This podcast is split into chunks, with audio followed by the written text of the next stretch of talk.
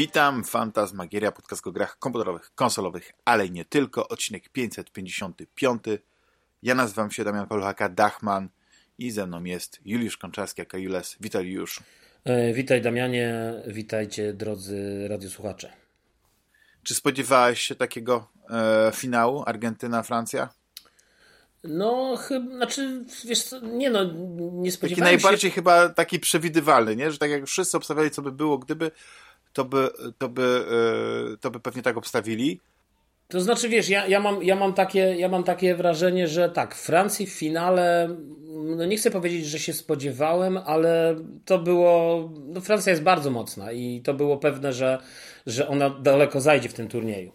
Natomiast ja oczywiście jestem za Argentyną, kibicuję Argentynie e, i mam nadzieję, że, że Argentyna wygra. Ja pamiętam mecz jednej ósmej finału na poprzednich Mistrzostwach Świata, kiedy Francja grała z Argentyną. Francja wygrała 4-3 po pięknym meczu, pięknym meczu, więc mam nadzieję, że ten mecz będzie równie piękny, będzie dużo bramek i, przed, i wiesz, i liczę głęboko na to, że Messi po pierwsze ma świetny turniej za sobą, po drugie da z siebie wszystko, bo to jest już finał. To jest najważniejszy mecz w jego karierze i po prostu mam nadzieję, że oni, że oni wygrają po prostu i wiesz, i, i tak też No i super.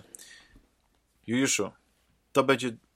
Ja oczywiście część zostawię uh-huh. z tej rozmowy, ale to jest coś, co po prostu to, wiesz, jeśli ktoś miałby ominąć to, to, to zasługuje na osobny odcinek, więc to, e, cała ta rozmowa, to już teraz jak ktoś nas słucha teraz, e, to cała rozmowa jest... E, jako osobny odcinek, on będzie na YouTube, on będzie też e, na MP3 i tak dalej do ściągnięcia, ale tutaj zostawię te fragmenty, bo zapytam cię o jedną rzecz. No. Wrzuciłeś mi e, na, na, na, na czacie wcześniej no. Grę planszową Menadżer Piłkarski. Tak. Ja jestem bardzo ciekawy, jak, jak to wygląda w praktyce? Czy już zdążyłeś nawet rozegrać jakieś... Zdążyłem. Jakieś, nie wiem, czy tam się rozgrywa mecze, czy to jest tylko czysto taki, taki ekonomiczny, jakiś taki eurobiznes, nie wiem, piłkarski? Nie, nie, no to gra jest... Gra się nazywa Eleven tak, gra się... i widziałem, że tam masz mnóstwo dodatków, więc tam po prostu jakieś wariacje są. E, to jest, e, to jest gra planszowa, to jest jakby można powiedzieć e, menedżer piłkarski na planszy. Aczkolwiek E, bardzo mi się podoba klimat tej gry, który ja odbieram indywidualnie, ponieważ w tej grze nie ma prawdziwych piłkarzy, nie ma, e, są co najwyżej jakieś nawiązania do prawdziwych piłkarzy, takie w stylu właśnie, e, nie wiem, Sensible Soccera, czy tych gier, które nie miały nigdy licencji, że grał piłkarz, który się nazywał... Oryginalny Sensible Soccer nie miał licencji, ale miał wszystkie nazwiska i nazwy klubów autentyczne. Tak, no więc tutaj na przykład może być, że akurat tutaj nie ma czegoś takiego, ale powiedzmy te nazwiska są, nie są autentyczne, ale mogą w brzmieniu przypominać, a dobra, to może chodzi o, nie wiem, tego czy innego piłkarza, nie? Natomiast y, gra jest. Zamiast Messi to Massi. Na przykład, ale czegoś takiego nie ma akurat. Ale, ale wiesz, ale. Y, natomiast wracając do, wracając do, wiesz, do, jakby do samej gry. Y, gra polega mniej to jest, to jest jakby takie euro, tak? Czyli, czyli jest bardzo optymalizacyjna w grze tak naprawdę będziemy kupowali piłkarzy, sprzedawali piłkarzy, grali oczywiście y, mecze, y, zatrudniali personel i rozbudowywali stadion. Wszystko to, co robimy tak naprawdę w, jakby w menedżerze piłkarskim. Y, gra trwa 6 rund. Każ, każda runda podzielona jest na 5 w sumie tur. Tak jak masz dni tygodnia. Masz tam poniedziałek, wtorek, środa, czwartek i później jest weekend. Czyli weekend to jest czas meczowy. I jakby w poniedziałek jest spotkanie zarządu, bo na początku gry losujesz, y, tam draftuje się powiedzmy trzy karty zarządu który jakby mm, zarządza powiedzmy twoim klubem, czyli ma, będzie miał wpływ później w grze na różne decyzje, bo ty pamiętaj, że jesteś w tej grze menadżerem, nie jesteś jakby jednym y, władcą, tylko zarząd też formułuje ci jakieś tam... Alexem Fergusonem. Tak, dokładnie, więc zarząd też ma co do ciebie jakieś oczekiwania i tak dalej i też ma jakieś zdanie, nie? I y, na samym początku tygodnia jest spotkanie zarządu, losuje się kartę z takiej talii wydarzeń i tam na przykład, wiesz, taki przykład, nie? Że jest y, sytuacja, że no gramy ważny mecz, jakby w przyszłym tygodniu, ale zróbmy, y, ten mecz jest wyjazdowy, no i musisz podjąć decyzję, czy, że, i na przykład jest takie, takie wyzwanie, że może lepiej by było, żebyśmy na ten mecz pojechali, polecieli samolotem.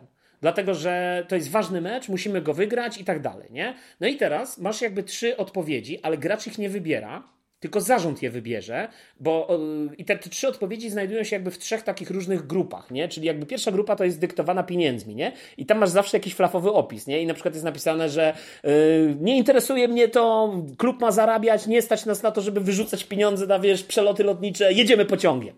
Yy, potem masz drugą odpowiedź, gdzie jest jakieś tam pośrednie, a potem rozwiązanie, tak, jasne, cel sportowy jest najważniejszy, musimy lecieć samolotem, nie? I to wygląda w ten sposób, że każdy z tych twoich członków zarządu Eh, ma zakres, powiedzmy, rzutów kostką, czyli tam od 1 do 6, tak jak jest na kości sześciościennej, i teraz rzucasz tą kością i sprawdzasz, w jakim E, co jest dla danego członka zarządu ważne, nie? No bo na przykład wyrzuciłeś trójkę i teraz się okazuje, że dla jednego członka zarządu trójka to są pieniądze, czyli on zagłosuje za tą pierwszą opcją, żeby jednak pojechali pociągiem. Dla drugiego to jest e, na przykład cel sportowy, czyli jednak będzie głosował za tym, że powinniśmy absolutnie wydać te pieniądze na przelot lotniczy i, i polecieć, a dla trzeciego na przykład też pieniądze albo jakaś inna opcja, nie? I teraz na podstawie tego oni głosują i jakby ty wiesz, tak, będziesz musiał wydać albo więcej pieniędzy, albo dostaniesz więcej kibiców, albo coś tam, coś tam, jakieś te waluty, które spełniasz w grze. I później w każdym dniu tygodnia, czyli wtorek, środa, czwartek, możesz podjąć jedną decyzję, wykonać jedną akcję, plus ewentualnie możesz jeszcze wydawać tam żetony infrastruktury na zrobienie jednej dodatkowej akcji z karty. E, no i te akcje to są właśnie kupowanie zawodnika, sprzedawanie zawodnika, rozbudowa stadionu, tak jak w klasycznym menadżerze. E, a na koniec tygodnia, jak już dojdziesz do weekendu, to masz mecz. I na początku gry e, masz jakby całą talię kart podzieloną na trzy ligi, na trzecią, drugą i pierwszą ligę i ty sobie wybierasz, w której lidze chcesz grać i na podstawie tego wyboru losujesz, jakby wybierasz sobie zespoły, z którymi będziesz grał. Bardzo ciekawe jest to, że nawet jeśli... Ale to jest gra rywalizacyjna, rozumiem, że nie, nie grasz to jest gra... tylko przeciwko Nie, komuś. to jest gra, słuchaj, to jest gra... Wydaje mi się, że jest jakiś fanowski. Grasz solo w takim Tak, tak, jest tak naprawdę to jest taki pasjans. To znaczy, Aha. jak gracze siedzą, yy, czyli to jest idealna gra do, w ogóle do gry solo, tak swoją drogą, bo, bo, bo ona jest jakby out of the box, jest solo, tak jak, tak jak w menedżerze piłkarskim, ale, ale też, i to też zaraz o tym właśnie coś fajnego powiem, yy, ale też to jest gra, w której możesz grać oczywiście z innymi graczami, yy, ale wtedy jakby nie gracie ze sobą, chociaż wydaje mi się, że na BGG ktoś gdzieś, gdzieś wyczytałem, że jest jakiś fanowski, fa, fanowska modyfikacja zasad, która powoduje, że gra gracze mogą między sobą grać w ogóle e, w, rozgrywać te mecze, nie? E, które są na koniec. Natomiast generalnie to wygląda w ten sposób, że mm, jak rozgrywasz mecz, odsłaniasz kartę z tych, z tych zespołów, bo, te, bo te, będziesz miał sześć kart, no bo będzie sześć rund i na koniec każdej rundy grasz po prostu ten mecz. Więc odsłaniasz kartę i teraz na, z jednej strony e, na tej karcie masz napisane jakby taką informację o skauta, od skauta, nie? że no mocna drużyna mieli, albo słaba drużyna mieli problemy z utrzymaniem w trzeciej lidze w zeszłym sezonie, mają mocne skrzydła czy coś nie? I teraz nawet jeżeli masz, bo w grze może grać czterech graczy, więc masz tak naprawdę cztery karty taktyki tego samego zespołu, nie? Ale fajne jest to, że na każdej z nich ten opis jest trochę zmodyfikowany i czyli jakby to jest faktycznie jakiś scout, który ci próbuje coś podpowiedzieć przed danym meczem, a dwa, że jak odsłonisz tą kartę, to faktyczna taktyka na dany mecz jest inna, więc to nie jest tak, że to są cztery takie same karty, czyli każdy gracz de facto będzie miał trochę inne doświadczenie, no i jak będziesz grał kilka razy w tą samą grę w późniejszych rozgrywkach, to zawsze ta, to ustawienie będzie inne. No i wiesz, i masz koszulki zawodników, roz, porównuje się później w trakcie meczu strefy, czyli bo każdy zawodnik, którego masz jakby na planszy ma e, albo piłkę, albo tarczę, w związku z tym może może decydować, czy, e, czy będzie to na przykład ofensywny obrońca, czy defensywny obrońca. Zawsze musisz na początku gry w ogóle podzielić drużynę, że masz pięciu ofensywnych, pięciu defensywnych i nie możesz tego zmienić, nie? Jakby to już zostaje do końca gry, natomiast będziesz mógł to zmienić tylko i wyłącznie kupując konkretnego piłkarza, bo jakby gra zakłada, że ty nie kupujesz całej drużyny 11 piłkarzy, tylko jak kupujesz sobie piłkarza albo wytrenujesz piłkarza, no to on ma przypisany jakiś numer i staje się automatycznie przypisany do danej koszulki i to są jakby takie twoje największe gwiazdy, nie? No co jest też fajne tematycznie, myślę, bo z wielu drużyn, no tak jak Argentyna, no wymień dzisiaj cały skład Argentyny, no wymienisz Di Maria i Messiego, może jeszcze tam dwóch czy trzech, bramkarza pewnie. De Paul, tak, Martinez. Tak, ale całej nie wymienisz, wymienisz tylko tych, którzy są, że tak powiem, tak samo z reprezentacji, no nie, dobra, z reprezentacji Polski wymienimy, ale wiesz, ale, ale mimo wszystko jest, jest kilku takich wiodących piłkarzy, tak, którzy są jakby najważniejsi. No i tyle, no i zdobywa się punkty. Natomiast ciekawa rzecz jest taka, że jak grasz solo, to oprócz yy, yy, takiego czystego zdobywania punktów i później sprawdzania wyniku, możesz grać scenariusze. I jest w grze sześć scenariuszy, tak jak w Robinsonie Crusoe na karcie. I też znowu, i tam masz na przykład, nie wiem, utrzymaj się w lidze, nie? I masz po prostu jakąś yy, zmienną sytuację startową, plus jakieś cele przez zarząd stawiane ogólnie i wiesz, i sobie jakby grasz. Także No na razie jestem po takich wstępnych rozrywkach, ale ja się strasznie napaliłem na tą grę i mi się ona bardzo podoba i, mhm. i, i myślę, że... No, ale wiedziałem, ją... że ty poszedłeś z grubej rury, bo masz wszystkie dodatki. To, to dodatki co one oferują? Jak, no, to są jakieś, to są takie, to, to są takie małe, wiesz, to są takie małe dodatki, które, które wprowadzają...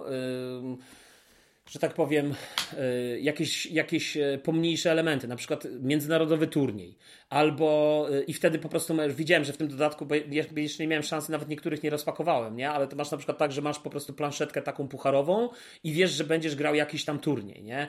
Albo masz na przykład planszetkę międzynarodowe, światowe gwiazdy i wtedy też masz piłkarzy podzielonych na kontynenty, których będziesz mógł później, którzy zastąpią jakąś tam talię bazową piłkarzy, nie? No bo w tej grze możesz też trenować piłkarzy, czyli możesz mieć młodzika, który nie ma przypisanego żadnego numeru, ale jak go wytrenujesz, to wiesz, to, y, to, to się tam zmienia, nie? Są, są też karty sponsorów, są, jest dodatek kampania solo, czyli jakby mm, dodatek, który wprowadza całą dedykowaną kampanię z 14 scenariuszami, które się układają, wiesz, w całą długą kampanię, gdzie musisz z tym klubem od na przykład, nie wiem, trzeciej ligi y, awansować, nie? Albo zdobywać jakieś puchary. Nie wiem co dokładnie, bo mówię, jeszcze, jeszcze tego nie... Czyli takie dodatki, które y, ja będę eksplorował pewnie dużo później, bo na razie jestem na etapie jakby tej, wiesz, tej, tej, tej bazowej gry. Albo dodatek, który wiesz, wprowadza nowe elementy rozbudowy stadionu, które masz. Ja po prostu chciałem mieć wszystkie dodatki, bo nie chciałem czegoś żałować.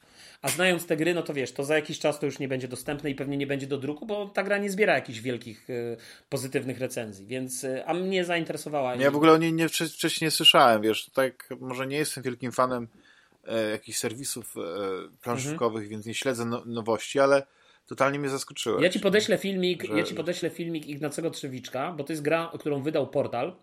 I wydał ją w ogóle na świecie, tak swoją drogą. To nie, to, y, oni są światowym w ogóle wydawcą, to jest ich gra. Grę zaprojektował jakiś w ogóle autor zagraniczny. E, ja ci wyślę. Fi- to ciekawe, że nie nazwali jej piłka nożna, albo coś takiego, albo menadżer piłkarski. No tak, no może, no nie wiem. Może, no, może ta nazwa może nie menadżer jakaś... to prawdopodobnie jest. Ale ja już tą grę miałem na radarze, słuchaj, od, od roku, tak, jak to trafiło do Kickstartera i tak dalej. Natomiast ja generalnie ci podeślę taki filmik Ignacego Trzewiczka, w którym, który mnie przekonał i powiedział, tak, chcę to. I, I powiedziałem do żony, chcę to na urodzinie. I... No ale teraz jest świetny moment, no nie? Bo jednak e, tak. nie ma chyba lepszej reklamy dla, dla piłki nożnej niż. No ja myślę, że tak była skorelowana ta premiera, bo ta gra dopiero wyszła jakoś tak niedawno, że tak powiem. mieli w planach zrobić taką, wiesz, e, e, okładkę z polską reprezentacją, może Lewandowski na okładce, może selekcjoner albo coś. Ale Michał, po, I słuchaj, mówili, Michał dobra, Pol wycofujemy z Michał, Michał Pol z kanału sportowego jest jakby... Mm, patronem medialnym. Znaczy kanał sportowy nie jest patronem, bo nie ma ich na pudełku. Ale nie, Michał ale Pol, widziałem, jako, że Michał Pol, tak, widziałem, że Michał Pol y, w różnych reklamach internetowych się pojawia tej gry, więc, więc on jest jakby tutaj... Y, mm, Ciekawe, czy zagrał. No były teraz ostatnio takie zdjęcia jak grał, więc ale pewnie na potrzeby Aha, tylko sesji. Taka ustawka. Wiesz. To jak, jak są te zdjęcia jak e, Messi gra z Cristiano Ronaldo w szachy. No tak. No, to, mogą grać szachy, mogą, no nie, ale czy to jest Gary Kasparow, no nie, kontra, nie wiem, no tak. Queen Gambit, no nie wiem. Gambit królowy. Ale y, i tak mnie zaciekawiłeś, wiesz, no, ale zobaczę sobie ten Ja ci podeślę, filmik, ja ci podeślę ten filmik, bo mówię, mnie ten filmik przekonał i, i bardzo mi się spodobało to, w jaki sposób ta rozgrywka jest, yy, tak. była tam przedstawiona. I, i, i, to, I to był ten moment, który mnie, który mnie przekonał. Chociaż jak, gra, jak przystało na grę portalu, niestety, ja to mówię z ubolewaniem, bo ja bardzo portal lubię. Uważam, że to jest bardzo fajny wydawca. Instrukcja pewnie leży. Tak, co? instrukcja jest niestety, mimo że ja obejrzałem, wiesz, filmik taki wprowadzający, też mogę ci później podesłać, jak gość po prostu wszystko objaśnia i to wydawało się takie klarowne, to potem jak czytasz, to jednak pojawiło się, oczywiście już teraz mam to rozjaśnione, no ale jest kilka takich znaków zapytania, które, które wiesz, które mm, są słabo wyjaśnione w instrukcji po prostu, nie? I, i które czytasz, czy, tam czytasz taki fragment w instrukcji i ja go czytałem chyba z 5, 6, 10 razy i dalej nie rozumiałem, co to znaczy. dalej nie byłem w stanie sobie wyobrazić i zrozumieć, o czym autor instrukcji próbuje mi powiedzieć i tak naprawdę o co chodzi, bo jakby kompletnie tego nie rozumiem. To jest tak, tam jest taki moment, wiesz... Wiesz co? No? Powinno, powinno się, e, nie wiem, jest jakieś miejsce w piekle właśnie dla takich, e, e, nie wiem, ludzi, którzy piszą instrukcje, ale nie dają tego komuś do przeczytania z zapytaniem, czy ty to rozumiesz, czy wiesz, co miałbyś tak, zrobić. Ja mam, Bo jak co, ja mam właśnie w głowie takie... pewne rzeczy, to oni po prostu tak. używają skrótów myślowych, nie? Ja na przykład teraz grałem w taką grę dla dzieci, wiesz, taka prosta gra typu quiz, nie? Mhm. i, i e, instrukcja mieści się dosłownie na, na jednej kartce i to jest i nawet pół kartki, to jest kilka punktów, tak, że dobierasz kartę, później ten i tam jest i e, gra kończy się po sześciu kartach, czy coś takiego, czy po pięciu kartach, ale jak? Czyli po pięciu dobranych kartach, czy do pięciu mhm. zdobytych punktów e, w odpowiedzi? No bo wiesz, no to, jeśli, to, to, to, to, bardzo mówisz, krótka ta gra by jeszcze... wydawała się. W każdym przypadku to i tak, i tak, wiesz, gra się wydaje, że, że chyba nie, nie może być tak, że gra, gra, kończy się po pięciu minutach, no bo to jest tak, że pytanie, odpowiedź, następne pytanie, odpowiedź i co? Odpowiesz na pięć pytań po, po grze? No to, jest, wiesz co, ja myślę, że to jest jeszcze bardziej bolesne właśnie, tak jak mówisz, w takich grach i, i, i wydaje mi się bardziej nawet nagminne w takich grach casualowych, takich jakichś rodzinnych, familijnych, bo z jednej strony te gry powinny być łatwe, proste i przyjemne w obsłudze i bezproblemowe dla ludzi, którzy na co dzień nie mają do czynienia z planszówkami, bo też jest takie zjawisko, że im więcej tych instrukcji w swoim życiu przeczytasz i, i w tych gier zagrasz, no to tym łatwiej jesteś wychwycić pewne e, schematy związane z, jakby z designem tych gier, nie? Więc, więc jakby to też ma znaczenie. A z drugiej strony właśnie takie babole się pojawiają w takich grach, e, czy, czy takie nieścisłości się pojawiają właśnie w takich grach, które mają za zadanie wprowadzać ludzi, a one mogą po prostu powodować pewne pewnego rodzaju frustrację, nie? Tych ludzi, którzy, którzy na co dzień nie grają w planszówki, no, no tak chcieliby zagrać, a potem się okazuje, że wiesz, że, że, że jest taki problem. Natomiast... Wiesz, ja a propos innej grze portalu, i ja wiem, że ty Akat opanowałeś tę grę do perfekcji, to jest właśnie ten Robinson Crusoe, nie? I ale to ja też wiele się... razy czytałem. Ale tam, nie, ale to. Tam po prostu są takie. Tak, znaczy, ja się zgadzam, bo pamiętaj, że Robinson Crusoe to jest chyba największy sukces komercyjny portalu wydawniczy, światowy i ja my, i, i, na przykład ja mam tą grę, bo ja sobie ją kupiłem w końcu do swojej kolekcji, bo pomyślałem w którymś momencie, nie chcę mieć tylko pierwszych Marsjan, chcę mieć też Robinsona Crusoe, bo to jest taki, powiedzmy, taka perełka polskiego tak. game devu. No ja mam to pierwsze wydanie w tym takim podłużnym pudełku, nie w tym Ja miałem to wydanie, ja miałem to wydanie, które ty masz cały czas pewnie, to, to twoje to pewnie mógłbyś sprzedać na eBayu za jakieś y, krocie. Natomiast... Yy... Podpiszę się jeszcze jako Ignacy Trzewiczek. To, to już w ogóle. Natomiast ja ci powiem, że yy, tak, no ta instrukcja tam była fatalna yy, i co więcej, y, natomiast teraz już jest, no ja mam to najnowsze wydanie, to ta instrukcja już jest ok, ale z drugiej strony, tak jak mówisz, no mi też ciężko to powiedzieć, bo ja po pierwsze zjadłem zęby na tej starej instrukcji. Musiałem to wszystko rozkminić. Później w międzyczasie jeszcze były dwie czy trzy edycje, które też miałem w swojej lekcji, y, kolekcji, które zagrałem i które też jakby to zmieniły, więc jest to. Natomiast na pewno ja mam takie zawsze nieodparte wrażenie przy tych niektórych instrukcjach portalu, właśnie przy okazji e, tej gry, czy nawet znakomitej gry, którą uważam naprawdę za znakomitą grę portalu, czyli te Królestwa Północy. Ja po prostu jestem zakochany w tej karciance. To jest fantastyczna gra. E, I mm, że tam ja mam takie wrażenie, że tą instrukcję pisał ktoś, kto tak dobrze zna zasady, że po prostu w niektórych momentach on, wiesz, on o pewnych rzeczach nie wspomniał, bo one są oczywiste dla niego, wiesz, nie? I tak jak no mówisz, no tak, że tak, czy to jest tak. jakiś skrót myślowy, którego on dokonał, bo to jest po prostu, no to jest, to, jakby to jest takie, takie banalne, tak? Takie proste, nie? Mm. Na przykład, wiesz, no tak. taki przykład nieścisłości z tego Eleven, nie? To jest na przykład napisane coś takiego, że na początku gry losujesz, yy, bo masz jakby karty taktyk podstawowe i masz karty taktyk takie, które możesz w toku gry zdobywać. Ale one wszystkie nazywają się karty taktyk i wszystkie mają ten sam rewers, mają tylko inną informację na drugiej stronie. I na początku gry jest napisane, że masz wszystkie karty taktyk potasować. A potem w którymś momencie przygotowania jest taki etap, że każdy gracz ma dostać kartę taktyki podstawowej i następnie masz potasować wszystkie pozostałe karty taktyki. I teraz ja miałem takie pytanie, ale to co, to czy te karty pozostałe, karty podstawowe mam wtasować do tej karty tych wszystkich kart taktyk, czy po prostu je odrzucić i potasować samą talię kart taktyk? To jest po prostu, może to jest głupie pytanie, ale to nie jest wyjaśnione wprost. To nie jest precyzyjnie powiedziane w tej instrukcji, nie? Jakby nie wiesz do końca.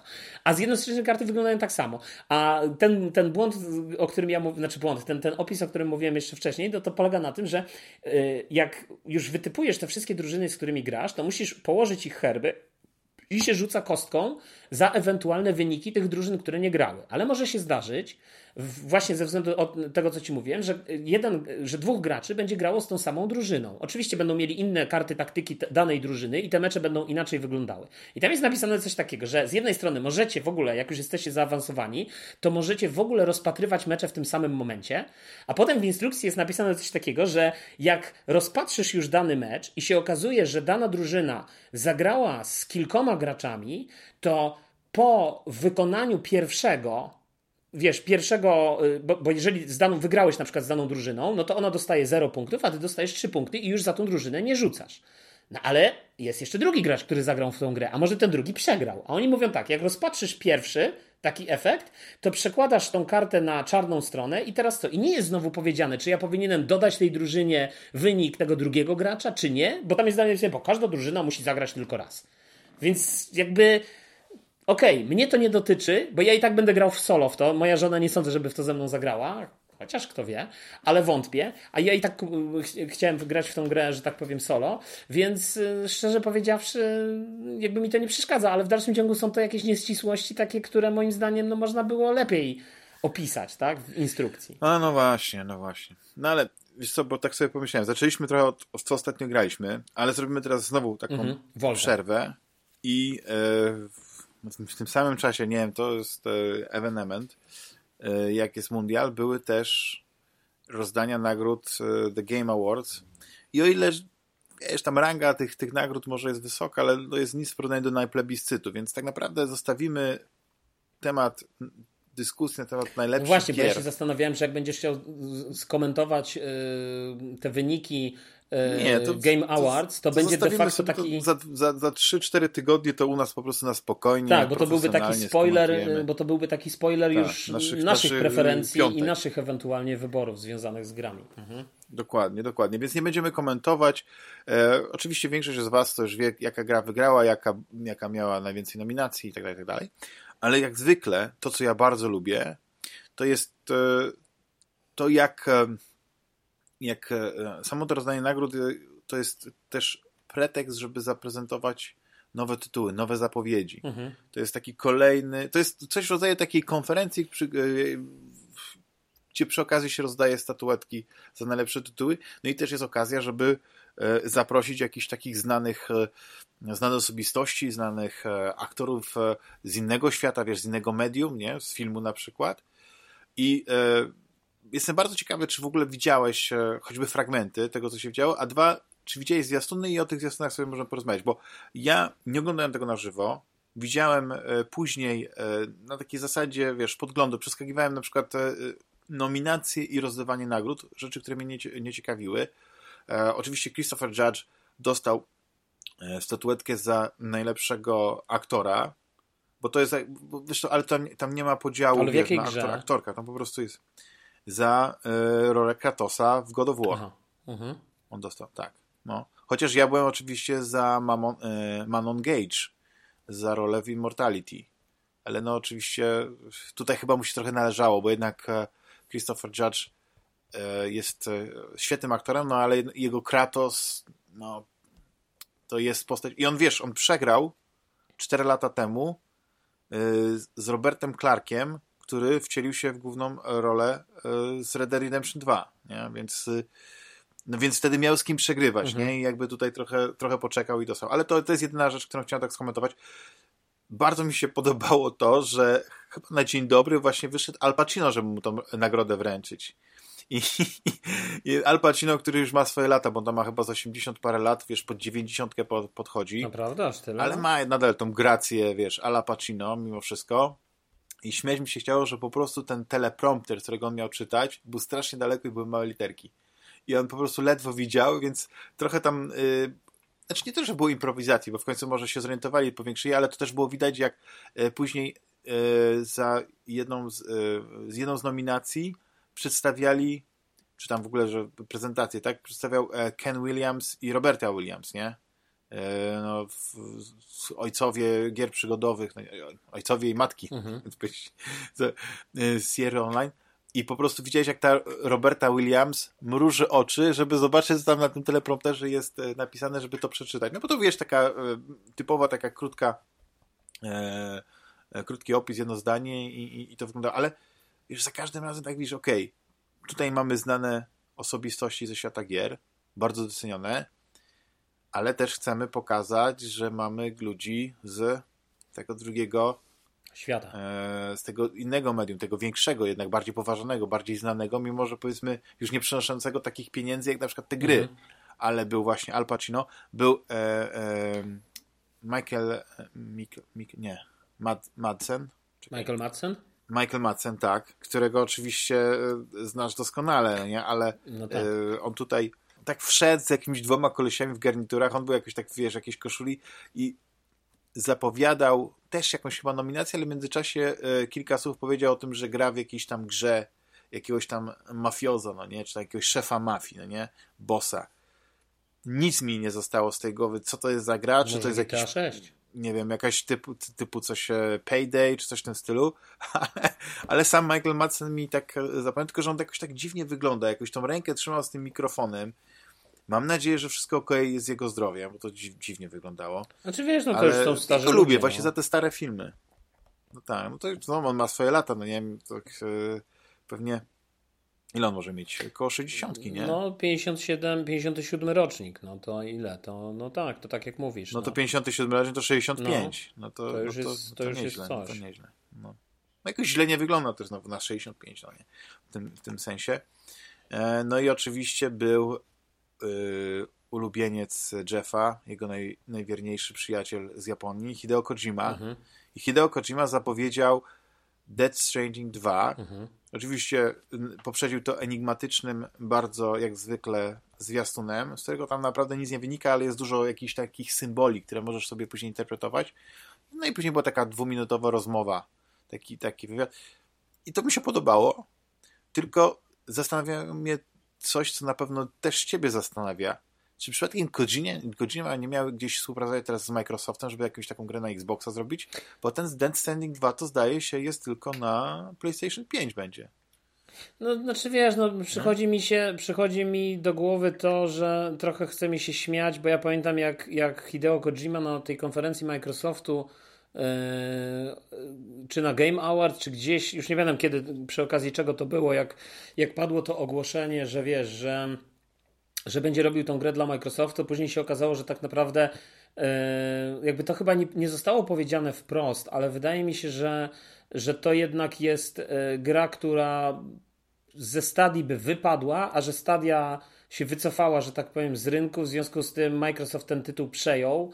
E, i, i gdzieś tam będzie yy, tak naprawdę to jest po prostu, wiesz, uratował powiedzmy ten, ten projekt w tym sensie, tak, -hmm. że, że, że, Aha, tak. że Kojima i pamiętam, że wtedy też się podnosiły takie głosy, że nie wiem, Microsoft zagrał, że Kojima zagrał na nosie Sony i tak dalej. No i wiesz, jak fakt, jak dzisiaj. No i tutaj widzimy. No i widzimy, jak zagrał na nosie Sony i na pewno wczoraj podjął decyzję, że będzie robił Death Stranding 2. No, wydaje mi się, że. Cho chociaż ja też nie przesądzam, bo a może to, to nie będzie X, tak? Może to będzie gra, która wyjdzie na. No z tego co słyszałem, że było podkreślone, że na PlayStation 5. Aha, no to. I jako, że Destiny pierwszy był ekskluzywem, no to pewnie będzie. Czasowym, I, i później pewnie się na, ukaże na, na, PC, a być może później na Xboxa za, za parę lat. No kto wie, no to byłby. Znaczy ja nie grałem w pierwsze Death Stranding, wiesz, wiesz. Metal Geary były na Xboxie, no nie? Więc Ale też nie wszystkie. Nie no, tak, Guns of the Patriot chyba ten taki na PlayStation 3, powiedzmy ostatni, w który grałem. Mm. Tak, czwarta część, tak. Tak, ten, ten. Ale już piątka i ten. Piątka Phantom już była, Pain, tak, piątka nie? już była. Piątka I, już była i, tak, tak. i ten, e, znaczy, ten ground. Znaczy, no, wiesz, ja, ja, ja, nie mam zdania na temat Death Stranding, bo ja nie, jest, ja nie mhm. grałem w tą grę. Ym, może w końcu w nią zagram yy, i jak będę miał tak. trochę więcej e, wolnego czasu. Yy, nie grałem, więc nie mam zdania. Natomiast podejrzewam, no wiesz, no Kojima robi ciekawe gry, żeby powiedzieć tak naj, najbardziej enigmatycznie. No wiesz co, my no. ostatnio jesteśmy fanami takich gier, które można nazwać mózgotrzepami i e, Kojima na pewno potrafi zrobić dobry mózgotrzep, mm. tylko że on ja bym inaczej troszeczkę przeładowuje tę grę wszystkim. Ja bym nie powiedział mózgotrzep, ja bym mm. powiedział, że jesteśmy fanami takich gier nieoczywistych, przekraczających granice. Ja wręcz w ogóle po Immortality to uważam, że jestem fanem gier. Dla mnie nie ma większego znaczenia, czy gra jest na 1500, 100, 900 godzin, czy na dwie godziny, e, tylko ważne jest dla mnie tak naprawdę to, czego ja doświadczam w danej grze. To jest dla mnie, wiesz, e, jakby ważniejsze. Mhm, I tak. I właśnie to doświadczenie, wiesz, i to doświadczenie oczywiście może być w grze na 100 godzin, a może być w grze na 20 godzin, może być w grze na 2 godziny. Więc yy, na pewno Kojima jest twórcą ciekawym i myślę, że to na pewno będzie ważna gra, wiesz. Yy, tak, kiepski z niego podcaster, ale tak, jednak ale, no, gier tak, jest tak, ale jednak... Ale e, to, to tylko tak podsumowując, to jeszcze to, to, to moje od tak ja podoba mi się z jaką pompą robione są, e, jest, robiona jest ta gala. Mhm. Świetne, świetne takie wstawki, te takie koncertowe, e, muzyczne, no po prostu orkiestra symfoniczna. Tam jest oczywiście jeden, tam było kilka takich, że ktoś śpiewał, nie, i to, to, to było kapitalne, ale e, trochę takim stylu oscarowym, że te najlepsze później gry w, były zaaranżowane w taki jeden utwór, który przychodzi. Po prostu muzyka z jednego z jednej gry przechodziła w drugą, nie tak jak się pojawiały na ekranie, jakie gry są nominowane. I to było świetnie zrobione. I to też pokazywało, jak, jak cudowna jest muzyka w grach, jak, jak, jak e, właściwie rzadko się o tym mówi, rzadko się na to zwraca uwagę. My o tym nie mówimy, no bo czasami brakuje czasu, nie? Żeby po prostu porozmawiać o muzyce w grze, wiesz, jak, jak, jaka fan, fenomenalna, no nie wiem, ja na przykład wiem, że muzyka w Ragnaroku bardzo mi się podobała, mhm. w ogóle y, oprawa y, audiowizualna w tej grze, no to jest top notch, nie? Mhm. Ale ja nie wiem, kto tam to komponował. Wiesz, zupełnie inaczej, jak to było kiedyś za czasów Assassin's Creed, kiedy wiedzieliśmy, no nie, kto komponował, nie? Pamiętasz, był taki um, kompozytor. Ja nie wiem. Mhm. Jasper Kidd. I on był fenomenalny. To, to, to wiesz, to, to, to się kojarzyło. To samo, wiesz, no, teraz jakby odszedłem od zwracania uwagi na, na, na, na ścieżkę dźwiękową, które teraz żałuję, że, że, że, że nie. I takie wydarzenia, właśnie taka, takie gale, to mi to przypomina. Wiesz, tak jak są te koncerty yy, z, z, muzyką z gier, gdzie, mhm. gdzie nagle po prostu wybiera się kilka tytułów i orkiestra fenomenalnie to przedstawia. Wiesz, zupełnie inna, inna jakość. To, to jest fajne, to mi się bardzo podobało. No, ale tak jak wspomniałem, oprócz tych nominacji, oprócz tych takich ciekawostek, jakichś takich krótkich występów znanych osób, no i na przykład jakiegoś tam, no wiesz, e, to ci pokazywałem, to, to trochę tak, e, ciebie akad e, ten, ten ortodoksyjny Bill Clinton jakoś nie roześmiał, ale to nieważne.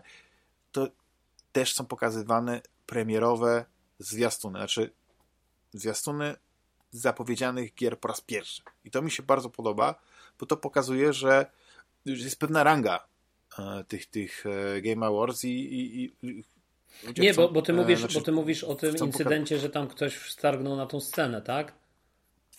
Tak, że stanął, wszedł, wszedł chłopak razem z, z, z tymi twórcami Elderinga, którzy mhm. podziękowali za statuatkę i oni nawet nie zauważyli, że on z nimi wszedł, a tam gdzieś tam z tyłu stał i w końcu podszedł do tego mikrofonu i tam walnął parę No parę tak, tylko ja no właśnie ja nie wstaiłem i to, to, co ja ci pisałem, to ja, jakby ja nie, dla mnie to było takie, że dlaczego akurat on tam wymienia Billa Clintona.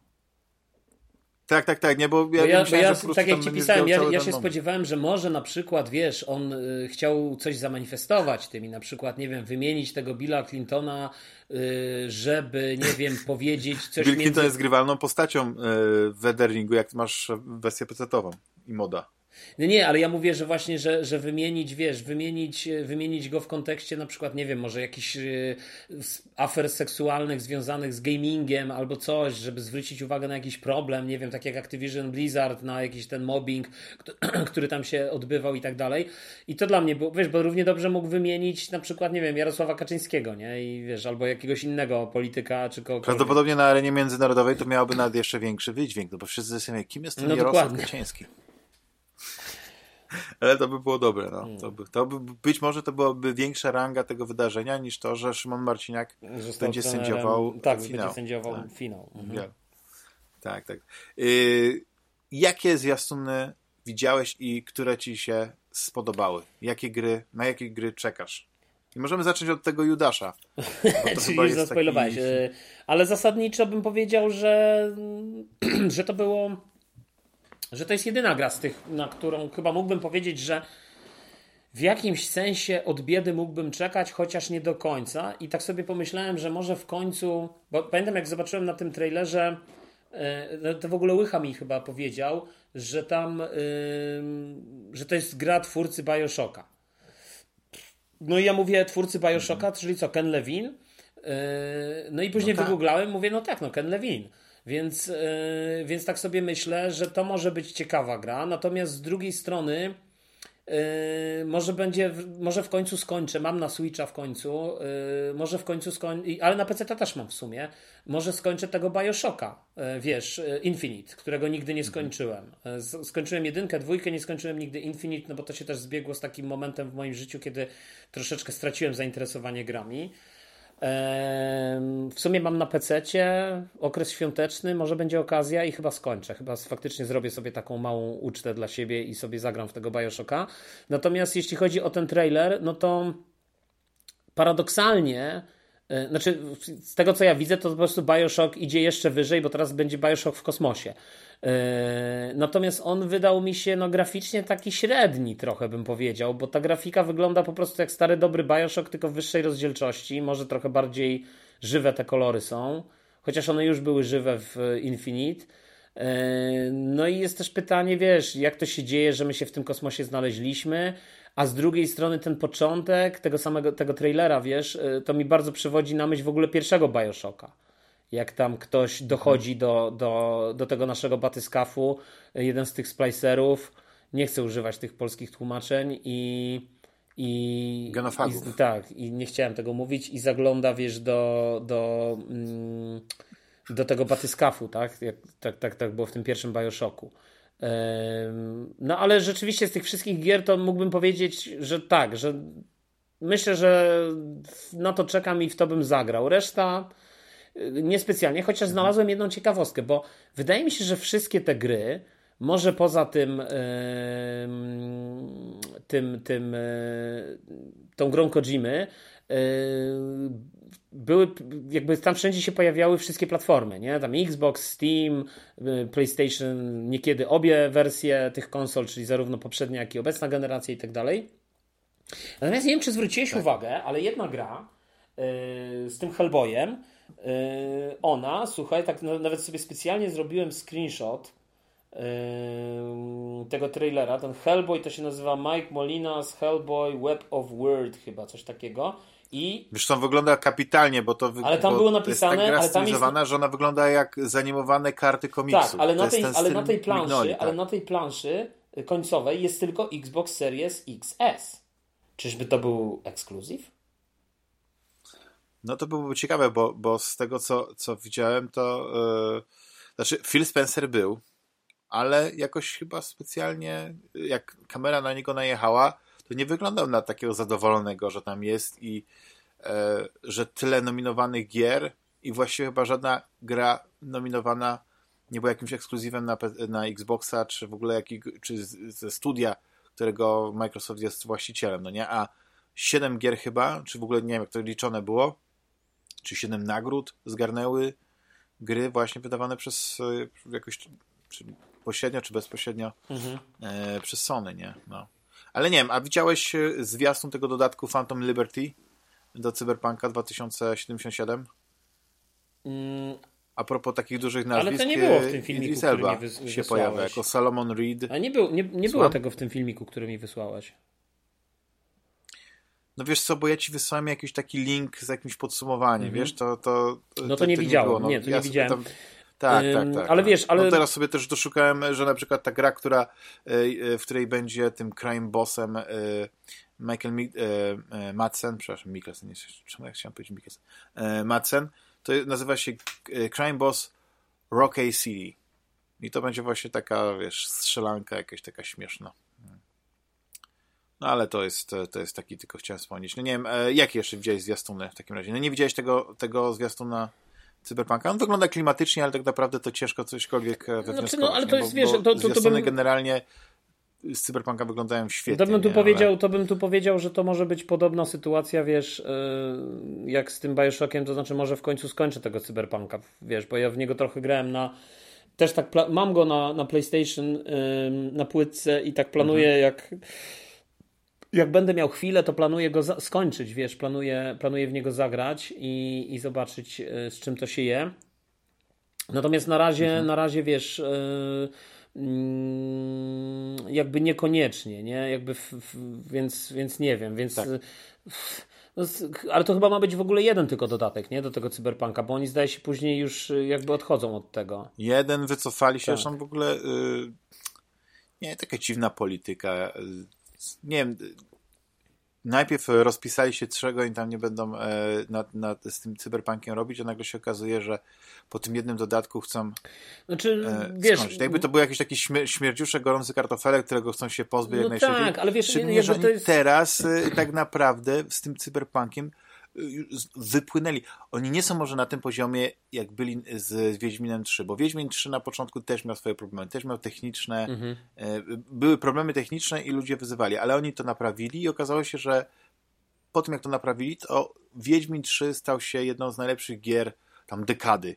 I plus dodatki były fantastyczne, bo ten e, krewi wino i i ten drugi, już zapomniałem jak się nazywa, ale wiesz, to były fantastyczne, duże dodatki, takie w stylu tych e, dodatków do GTA 4, nie, jak e, Ballada o Gaytonym, czy, mhm. czy, czy, e, czy Lost and Damned, nie, wiesz, no potężne kwisty, ale w tym świecie, ale też nawet tu było lepiej, bo, bo e, chyba Krew i Wino to tam z, zbudowali całą nową krainę, więc poszerzyli to uniwersum.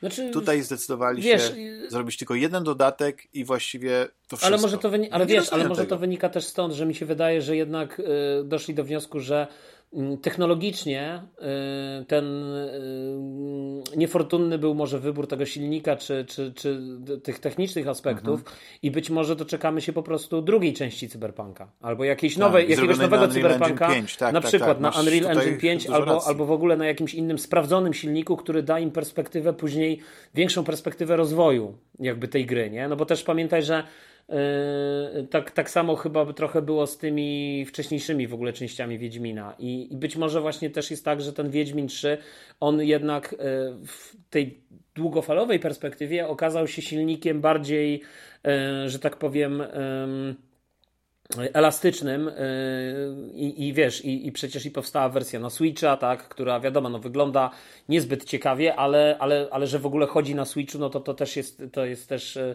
jakby ciekawostka, mhm. nie? Więc, y, więc, więc jakby ten silnik dał dużo większe możliwości, że tak powiem, czy dalszego tak. rozwoju, czy modyfikacji i tak dalej, nie? I, i jakby to z, tego, to z tego wynikało. I ten Wiedźmin dzisiaj, wydaje mi się, w dalszym ciągu jest takim jakby to powiedzieć, taką e, szansą dla CD Projektu, żeby w dalszym ciągu e, tych graczy jakoś tam, może nie wiem, może nie przepraszać, ale jakoś dawać im nadzieję, że, że, że, że są w stanie coś z tym cyberpunkiem zrobić, nie? Że, że, e, że jakby w sensie może nie z cyberpunkiem, tylko że są um, że nie są tacy źli po prostu, nie? No bo po tym cyberpunku to, mhm. to jednak można powiedzieć, że jakby wieszali na nich psy, a a, a wiesz, a że teraz wydali, teraz przecież wyszedł ten dodatek nextgenowy, znaczy patch nextgenowy do, do, do Wiedźmina 3, więc znowu będzie, będą na językach i znowu gracze ich będą kochać, no bo, bo ten Wiedźmin został jakoś tam dość mocno y, mhm. poprawiony, tak? Na, zwłaszcza na te konsole y, nowej generacji, znaczy obecnej, czyli tam Xboxa i Przecież słyszałem, że tam jakieś ale nie chcę już powtarzać plotek, mhm. że tam się nie obyło bez jakiejś czkaweczki, no ale to jest, wiesz, może jak gdybym nigdy nie grał w Wiedźmina trzeciego, yy, to bym się cieszył, że mogę teraz zagrać i ta wersja jest odświeżona, ale... Ale ja właśnie tak, tak się noszę z zamiarem powrotu, wiesz, I mówię, kurczę, ta gra wygląda bardzo podobnie, no troszeczkę no lepiej tak, na pewno no. niż wcześniej, ale jak ja już przeszedłem tę grę i wszystkie dodatki, sensu, to jednak to nie jest, to nie jest ta motywacja, że wow, to jest nowy poziom nie, no tak, grafiki, bo, ja wiesz, muszę teraz zagrać tę grę jeszcze raz. Taka, to jest zawsze takie pytanie, ja, ja zawsze, ja zawsze, ja zawsze się zastanawiam, czytam te różne opinie w internecie, y, czasem przy okazji różnych postów i tam ludzie piszą, że tam już piąty raz przechodzą Wiedźmina 3 ze wszystkimi dodatkami, nie? I ja tak się wtedy zastanawiam, czy serio warto jest przechodzić 10 razy, 5 razy, 2 razy, 3 razy tą samą grę, y, umówmy się, której skończenie nie zajmuje mhm. 10 godzin, tylko ze 100 pewnie, ze wszystkim, czy nie lepiej ten czas poświęcić jednak na spróbowanie czegoś nowego, nowych gier, które wyszły no, w, między, w międzyczasie, tak. wiesz, nie wiem, zasmakowanie. Jasne, ja, to jest fantastyczna gra i, i fantastyczne doświadczenie, ale no już, już go doświadczyłem, no tak jak mówisz, no ja, ja nie grałem nigdy w te dodatki, nie skończyłem nigdy Wiedźmina 3, więc dlatego ja myślę, że może kiedyś do niego wrócę. Kupiłem go na Switcha, ale z kolei na Switcha trochę mi mhm. graficznie odrzuca, więc finalnie nie wiem, czy nie wrócę do. Nie, no zdecydowanie, zdecydowanie kup gdzieś e, jakąś używkę. Ten, ten patch jest darmowy. No, więc tak. I będziesz tak, miał tak naprawdę myślę, no, no. ucztę, ucztę, bo, bo to Żeby jest. wrócić. Wiesz, to jest. Wiesz, to, to nie jest przypadek, że, że CD Projekt się znalazł na szczycie wiesz, e, dzięki tej grze. E, jakie jeszcze widziałeś jasne? Bo jak, nie jak, jak ciesz się zastanawiać, ja będę rzucał tytułami. Rzucaj, ty, rzucaj tytułami, dlatego że ja, ja mówiąc szczerze, jak obejrzałem te, te, te, te, to tak naprawdę dla mnie tylko ten e, Judasz to jest jedyna gra, mhm. która, która wzbudziła we mnie jakiekolwiek, e, że tak powiem, drganie brwi. Ale ona jest taki po prostu jazda, jakaś psychodela, jakiś tam, wiesz, te, ale właśnie te takie, po pierwsze stylizacja, że tak gra, graficznie widać, że to jest to w klimacie mhm. Bioshocka, ale znowu widzisz tu gdzieś jakiś kosmos, tu jakieś no to w kosmosie, lasery, no ale z drugiej strony no. masz jakąś mocę a la plazmidy, mhm. więc z jednej strony się czujesz, że to jest bardzo znajome, nie, to co widzisz, a z drugiej strony no widzisz, że coś, coś nowego, coś zupełnie e, innego, być może tym razem y, wybrał sobie inny y, Zobaczymy, inne wiesz, źródło no- inspiracji. No, to już nie będzie Ayn Rand i Atlas zbuntowany, tylko coś innego. No ale wiesz, to już chyba w tym in, w Bioshock Infinite już chyba tego nie było. Wydaje mi no się. No nie, nie, tam była taka chyba bardziej te takie amerykańskie tak, jakieś tak, takie tak. klimaty. No dlatego mówię, ja, ja, ja zamierzam wrócić do, mhm. do Bioshock Infinite, e, przejdę sobie go spokojnie, i myślę, że to jest, ale myślę, że to jest w sumie fajne ogłoszenie. Tak teraz, jak myślę z tej perspektywy, w ogóle na koniec roku. No ja się cieszę, bo, jest... bo ja, ja, ja cenię Ke, Kena Lewina, bo to jest jeden z tych takich twórców, którzy potrafią. Coś więcej. Znaczy, tak, że to jest taki Kojima, amerykański Kojima, tak. ale w trochę w innej skali, bo Oczywiście. Kojima jest, jest, jest takim, wiesz, guru, wszyscy go uwielbiają, jest ojcem jakiejś fantastycznej serii, a Ken Levine jest, jest gościem, który po prostu niesamowicie czuje ten klimat. Zresztą to, co y, jest świetne, na przykład a propos Bioshocka Infinite, to jest to, jak jaki detal jest włożony. Ja nie wiem, czy widziałeś, tylko zapomniałem, jak się nazywała ta, ta, ta, ta bohaterka, ta dziewczyna, mhm. którą y, próbujemy uratować, nie? Te, wyleciała, wyleciało mi z głowy. Główną postać, wiem, mówię, no tak, ja nie grałem. Główną postać tam tak. podkłada głos Troy Baker pod, pod niego, ale jest taki moment, że tam jest tak, pamiętasz ta taka scena, że y, gra na gitarze. No nie, nie? To, ale ja nie jest pamiętam. taka piosenka. Daleko w grze? I to jest tak klimatyczne i, i, i, wiesz, to jak będziesz w grze, to po prostu zwraca na siebie uwagę, bo to jest taka ballada, mhm. nie wiem, to tak. Ale też widzisz e, z takich materiałów produkcyjnych, e, jakichś pamiętników dewelopera, jak to wyglądało, jak on tam ich reżyserował. Mówi, że nie, nie, nie, jesteście za dobrzy. Wiesz, w tym sensie, że po prostu macie to duży tele. Musicie troszeczkę obniżyć ten, no tak, ale wyszło to świetnie, wiesz, bo chodziło o to, żeby wyszło tak autentycznie, żeby to nie wyglądało jak, jak że to jest jakiś wiesz, no ja, ja, ja nie bez kozary, koncept. Wiesz, ja nie bez kozery mówię o tym, o tym Bioshocku, bo ja uważam w dalszym ciągu, że Bioshock to jest jedna z moich y, najważniejszych, ulubionych y, gier, y, w jakie w życiu grałem, na pewno. Jedna z absolutny top. Obok jeszcze pewnie z dwóch czy trzech tytułów, które bym wymienił i wiesz, i i na pewno te oczekiwania będą rosły, no więc w sumie, no nie wiem, może zbyt krytycznie się teraz tak sobie myślę w sumie, bo teraz im dłużej myślę o tym Judaszu i to też mi się w sumie, te, te, wiesz, w tym trailerze jest to, co, co właśnie stanowi o sile Kena Lawin, te obrazy, te, Yy, wiesz, te takie mm, jakieś zestawienia ciekawe, ta, ta strona wizualna, ten pies, robot, nie, który tam otwiera to ucho i możesz wejść. Yy, więc yy, jakby kurczę, no już pal licho, że to wygląda jak Bioshock Infinite, to będzie w 4K, no więc będzie ok. Może będzie ray tracing dzięki temu. Tak. Wiesz, bo śmiać mi się no chce, może, śmiać mi się chce teraz może. z tym Wiedźminem 3, co pokazuje, że jak, jak wielkim kłamstwem jest ray tracing na konsolach obecnej generacji. E, bo, bo śmiać mi się chce, jak wiesz, jak, jak wychodzi Wiedźmin 3, gra na już powiedzmy dużo starszym silniku i, i super, że jest ray tracing, tak? I że i rzeczywiście widziałem na tych niektórych materiałach, że faktycznie jest jakaś tam różnica, nie? Ale w dalszym ciągu odpalenie ray tracingu w tej grze powoduje 30 klatek. No 30, stary, dla mnie nie ma powrotu do 30 klatek na sekundę. Ja, no ja dlatego ja wiem, na przykład gram w Decalisto Protocol w 30 klatkach, ale... W 60, nie, nie, gram w, 30, w 60 klatkach w Decalisto Protocol i będziemy o tej grze rozmawiać później, to ja to nawet nie okay. powiem. Bo po prostu nie mogę już grać e, w, w te 30 klatek, bo mnie oczy no bolą. No Jakby było 40 klatek, to było coś innego. Ale, ale, 40, to, ale to będzie słuchaj, ale 40 klatek, tak na dobrą sprawę, przynajmniej dla mnie, 40 klatek. To jest 33% więcej niż 30 Zgadza się, ale, ale to nie jest w dalszym ciągu nic nadzwyczajnego. Jakby w sensie w dalszym ciągu wolę 60, a, co, a w przypadku Ragnaroka to w ogóle wolę grać w tym trybie, gdzie jest odblokowany ten górny, górne ograniczenie i po prostu masz tam nawet do 100 dochodzi Pływać. w niektórych momentach i, i wtedy rzecz jest ultra płynnie, te, te spadki, wiesz, spadek z 80 na 70 jest nieodczuwalny praktycznie, nie? I ty tego nawet nie widzisz. A co innego... A spadek z 60 na 60 jest niezauważalny. Z 60 na 60 jest niezauważalny, ale z 60 na 30, na 30 kuje w oczy, nie? Więc jakby to jest... E, no tak. to jest, to jest nie, nie, ja to już kiedyś e, mówiłem, to powtarzę jeszcze raz, że dla mnie to, że i to może jest kwestia tego, że tak jest im łatwiej i to jest też kwestia tego, że robią gry na poprzednią generację i na nową generację, że niedopuszczalne powinno być wprowadzanie suwaków czy w ogóle jakichkolwiek przełączników, gdzie musisz wybrać między trybem wydajnościowym a jakościowym. Nie wiem po co to jest. To też, powinno też... być zbalansowane i powinieneś mieć zawsze 60 klatek i powinieneś mieć zawsze najwyższą możliwą jakość obrazu przy, e, przy tym tym bo ja nie potrzebuję mieć yy, nie wiadomo jakichś tych. Do tej pory, do tej pory nie rozwiązano na nowych, wiesz, w Kalisto Protocol wspomnę, yy, też jest taka scena, że jest lustro i co? Myślisz, że to lustro cię odbija? Wygląda tak, że tylko cień odbija, wiesz, mhm. taki rozmazany ten.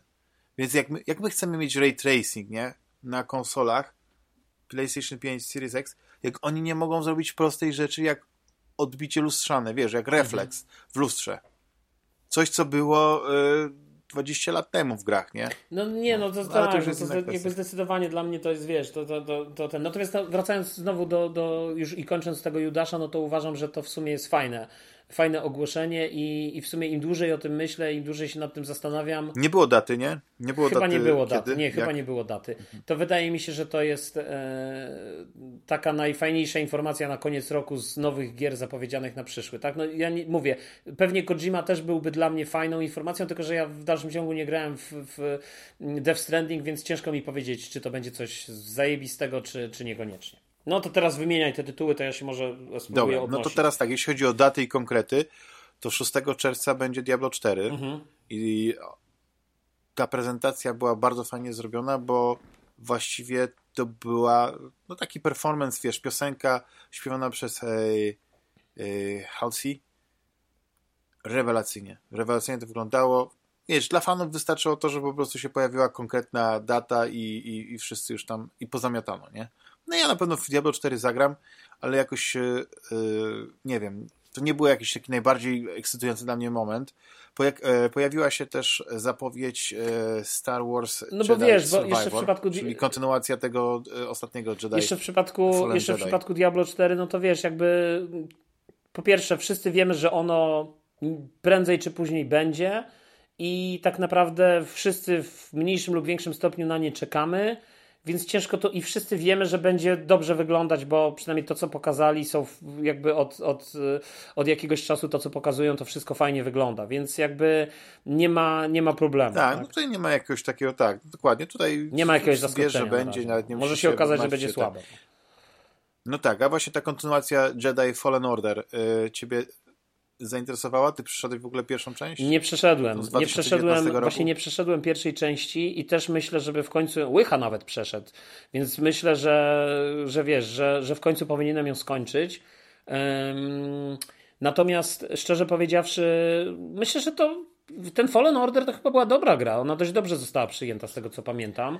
Więc zakładam, że tu mhm. też będzie dobrze. No, to będzie pewnie zoptymalizowane już pod nowe generacje. I wiesz, i wydaje mi się, że to będzie, to będzie fajna gra. Yy... Nie wiem, no. Jak ktoś lubi miecze świetne, lubi skakać po platformach. Tak, zwłaszcza, że w którymś momencie ja pamiętam. Wiesz, to, to, to się odnajdzie. Tak, zwłaszcza, że. Ja tam nie będę szukał tych, tych odnosień do tego, że o, że tam są klimaty jak Soulsu, nie? Tam ta walka niby z bossami jest jak w Souls-like'ach. Nie, nie, nie, nie. Na to nie ma co się Nie ma co, nie, nie. nie. Ja myślę, że to jest, to jest inny typ gry tak, w ogóle. Ktoś chce po prostu dobrą grę akcji w klimacie e, Dokładnie. Gwiezdnych Wojen.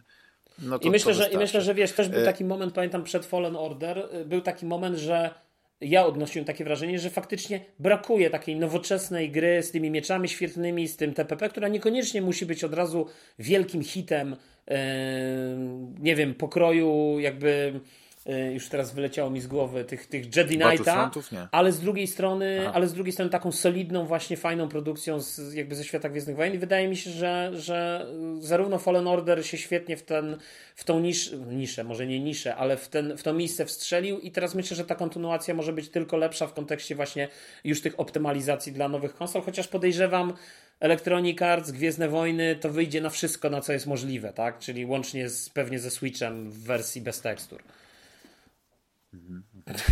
Kolejna rzecz, y, też już ekskluzyw na PlayStation. Mhm.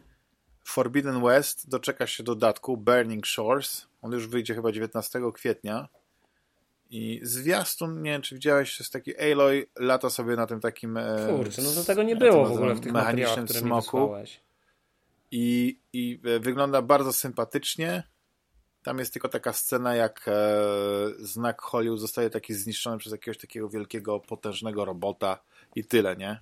Nie wiem, czego się spodziewać, ale ja, wiesz co, ja bardzo chętnie wrócę do, do, do Horizona. Ja przeszedłem tę grę, ty Nie, ja nie przeszedłem Horizona, chociaż ostatnio, jak wiesz, teraz Sony wysyłało i zresztą Nintendo też te takie podsumowania roczne, to wyszło mi, że ja w Horizona tam grałem ponad 40 godzin, a ja mam wrażenie, że ja przeszedłem może, nie wiem, jedną trzecią tej gry. No to jeszcze 20 i przejdziesz. Jeszcze 20 i przejdziesz. No to, to także nie, no ja wrócę, wiesz, ja, ja mówię ci, no ja, ja chciałem do Horizon... Wiesz, ta, ta gra ma w sobie tak, że możesz tam na 200 godzin, wiesz, utknąć, bo tam są te areny, tam są te różne wyzwania, tam są jakieś, y, wiesz, niefabularne e, misje, to, to, to, takie pomaganie tym wszystkim kompanom, coś, co można ominąć, mhm ale ja, ja tam starałem się to balansować. Nie pamiętam, ile mi czasu zajęło, ale, ale sporo, sporo. Prawdopodobnie mniej, zdecydowanie mniej niż przejście Ragnaroka, bo Ragnarok może zamknąć w jakichś 40 godzinach, nie? A, a, a. a tutaj to spokojnie, y, to widzisz, ty miałeś 40, a jeszcze końca. Tak, aczkolwiek ja też inaczej, z jednej strony grałem powiedzmy dość yy, robiąc te różne poboczne aktywności, aczkolwiek też nie wariując, tak? Jakby też niektóre rzeczy odpuszczałem. Ale tak jak mówisz, no ja chcę, ja na pewno wrócę do Horizona i na pewno będę jeszcze w niego grał, więc, więc to jest jakby tylko kwestia czasu, żebym go przeszedł, nie? Z takich e, jeszcze zwiastunów, które e, mnie zaintrygowały, ale, ale też e, nie wiem co o nich myśleć, to zapowiedź Armored Core 6 Fires of Rubicon. Czyli nowa gra od Tylko, tylko tam nic nie pokazano, nie? Tam pokazano tylko... No taki wiesz, no mechy. Ja uwielbiam mechy i, i ten zwiastun nie pokazywał samej mhm. rozgrywki, tylko jakąś taką pożogę, jakąś taką wojnę i, i, te mechy strzelające. No po prostu fajnie to wygląda, ale, ale sa, sama gra to nie wiem, co to znaczy, będzie. Czy to nie, nie? będzie tak, że to będzie Dark Souls z robotami? Dark Souls z mechami. No. z mechami właściwie, nie z robotami. Tak. tak, tak. Tak, to by było fajne. No. Ja, bym, ja bym był ciekawy, chociaż wiesz, no dawno nie grałem w dobrą grę z mechami, bo, bo jakoś tak nie... Znaczy, ostatnia gra, którą naprawdę się wciągnąłem, jeśli chodzi o mechy, to był ten Battletech. Wiesz, ta, ta, ta taktyczna taka gra, nie? Która jest całkiem rozbudowana i, i ma wiele, wiele dodatków i jest, jest świetna, nie? Mhm. Ale to jest, e, to jest e, no, no niezręcznościowa gra, nie? No ale to już in, inna, inna inszość. E, zastanawiam się, co jeszcze można byłoby powiedzieć. No, było parę tam rzeczy zapowiedzianych z tym, że na przykład, nie wiem, e, The Last of Us wychodzi na PC, ta, że chyba Returnal, ten, e, ten ekskluzyw z PlayStation 5 wychodzi na PC. -ta. Więc to były takie zapowiedzi około. No chyba Hades tam jakiś, nie wiem, czy to druga część, czy dodatek. Hades, ta kontynuacja, kontynuacja, będzie sequel, druga część, tam chyba się gra z siostrą Hadesa, ale nie, nie zagłębiałem się, no ale to było takie o tyle ciekawe, że e, Super Giant Games zamiast zrobić kolejną grę, która będzie po prostu jakimś takim, nie wiem, czymś świetnym, świeżym, nowym, no poszło w sequel. Więc e, widać, że. To wygląda tak chyba... samo jak, jak pierwsza część, więc szczerze trochę. No dokładnie, no, czyli chyba przycisnęło ich e, i odcinają koponiki, no, tak. nie? Więc. No więc generalnie to tyle. No, jak, jak ja zdecydowanie polecam, żeby każdy sobie te zwiastuny i, i tak dalej obejrzał.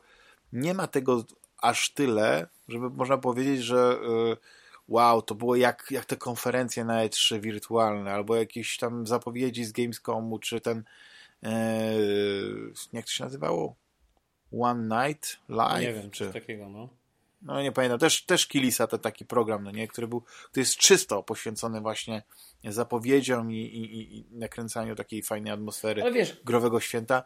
Ale z drugiej strony myślę, że to nawet lepiej, bo bo dzięki temu te, wydaje mi się, że w sumie teraz jak, jak z tego, co jeszcze tam Street Fighter był, Tekken yy, były pokazane, wiesz, yy, to wydaje mi się, że trochę Bayonetta jakaś tam kolejna, jakiś prequel chyba w ogóle yy, na Nintendo. Wydaje mi się, że po prostu dzięki temu to, takie dużo bardziej znaczące były te. Y, akurat nie mówię o tych grach, ale mówię o tym Judaszu, mówię o tym o Death Stranding 2. Y, no to tak trochę więcej waży gatunkowo niż y, wiele tego szrotu pokazywanego na tych, konkur- na tych wcześniejszych konferencjach, czy tej czy innej firmy, nie? Mhm, mhm. No zdecydowanie.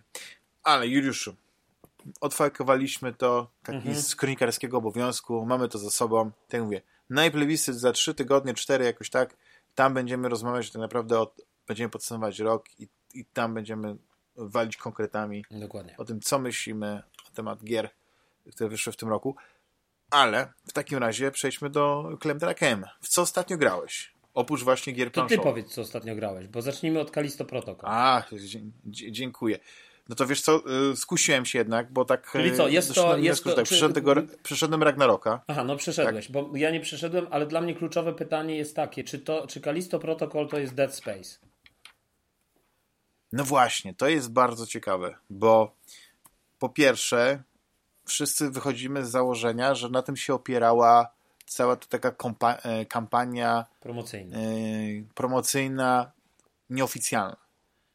Że minęło sporo czasu od ostatniej części Dead Space'a. Gracze chcą, e, chcą właśnie takiego horroru futurystycznego w kosmosie. E, I my go wam dostarczymy. On się nazywa Kalisto Protocol. Ja nie wiem, czy ty przyszedłeś wszystkie części Dead Space, nie? Nie, ja nie jestem, ja nie jestem w ogóle fanem Dead Space. A, właśnie, bo chodzi o to, że każda część Dead Space była troszeczkę inna. I ona ewoluowała i ostatecznie to, to, ta trzecia część to już była taka gra akcji, tam były jeszcze takie mikropłatności wprowadzone, bo jej się lubowało wtedy w tym, z wprowadzaniem w tym takich e, e, znaczy wprowadzaniem tych rzeczy, że możesz sobie coś kupić, no nie, co ci ułatwi rozrywkę, czyli takim kupowaniem cheatów, że się tak wyrażę, nie? No ale moim zdaniem, jak chcesz sobie ułatwić rozrywkę, to sobie po prostu obniżasz poziom trudności, a nie dokupujesz e, jakieś zabawki, czy tam w tym przypadku kupowałeś te takie te węzły, no nie, te nody takie, które mi odblokowywałeś, jakieś tam pomieszczenia, w których znowu mogłeś e, znaleźć coś innego, chociaż te, te węzły też mogłeś produkować. No ale to, to było, to, to było, wiesz, no, tak, tak, tak się tak rozwijała, nie? No i przez to, moim zdaniem, ona traciła tego ducha, który był w pierwszej części, a pierwsza część, to ona miała takie najlepsze cechy horroru, yy, takiego jak, wiesz, jak w Resident Evil, miała klimaty trochę, wiesz, takie futurystyczne, takie jak były na przykład System Shocku, więc to był taki dobry miks. I, I ta gra miała dodatkowo też fantastyczną tą mechanikę związaną z tymi zabawkami, które miałeś, bo też nie grałeś żołnierzem, grałeś inżynierem.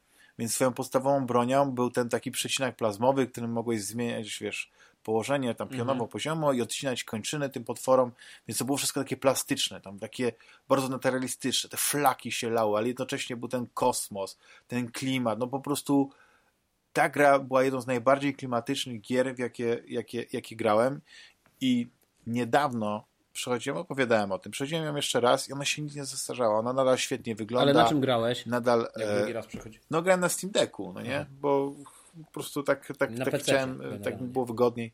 No jak grałem na PC, tylko na PC jakoś takie sterowanie, ta gra była zrobiona pod pada, więc taka, to sterowanie jest jakby, że ta in, że ten, e, to sterowanie, że to taka ta płynność sterowania jest taka, że bardzo dziwnie się gra na myszce i klawiaturze. Wiesz, to jest jakiś taki, e, to jest taka gra, że trzeba grać na, na, na, na padzie.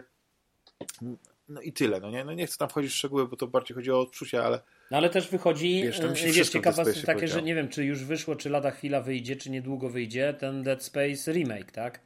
W styczniu, tak, w styczniu. Ja jestem bardzo ciekawy tego remake'u, bo jestem ciekawy, e, czy coś zmienią, czy to będzie po prostu taki remake totalnie graficzny, bo e, pod względem mechaniki, pod względem tych zabawek, e, zagadek środowiskowych, zabawek, no bo tam, wiesz, masz, masz tą, tą telekinezę, to masz telekinezę, nie, to kinezę, no nie, że możesz przynosić się e, przedmioty, możesz tą stazę, no nie, że możesz je zamrażać, nie spowalniać ten czas, więc jest dużo zagadek środowiskowych związanych z, z tym, No i też ta walka oparta właśnie na, na takim e, dosyć strategicznym, czy tam, nie wiem, taktycznym podejściu do, do, do, do potworów, że nie strzelasz im w głowę, tylko właśnie kończyny, próbujesz ich spowolnić, coś tam zrobić i tak dalej. I teraz mamy Dekalisto Protocol, które jak patrzysz na oceny, to okazuje się, że jakoś tak nie, nie spełniło oczekiwań e, wśród graczy, no bo oceny są dosyć niskie. E, dodatkowo e, bardzo, bardzo słabo odnotowała start na PC, na PC tak, nie? Blaszaki tam po prostu nie wyrabiają. Jakbyś miał nawet najlepszy komputer, to i tak coś tam klatkowało, więc ludzie strasznie narzekali. Ale tobie się podobało? Ale to podobało, że tam się... No ja gram na PlayStation 5. Mhm. Więc technicznie, i ja już jestem, teraz chyba tam się, tam nie wiem, który patch się pojawił, nie? że jestem też po patchu. Mhm. Więc ja technicznie nie odczuwam żadnych problemów. Jedynie jest tak, zanim właśnie wejdę już w te, te szczegóły, no nie a propos tego Dead Space'a i tak dalej, no to w takim razie o, o tych technikaliach.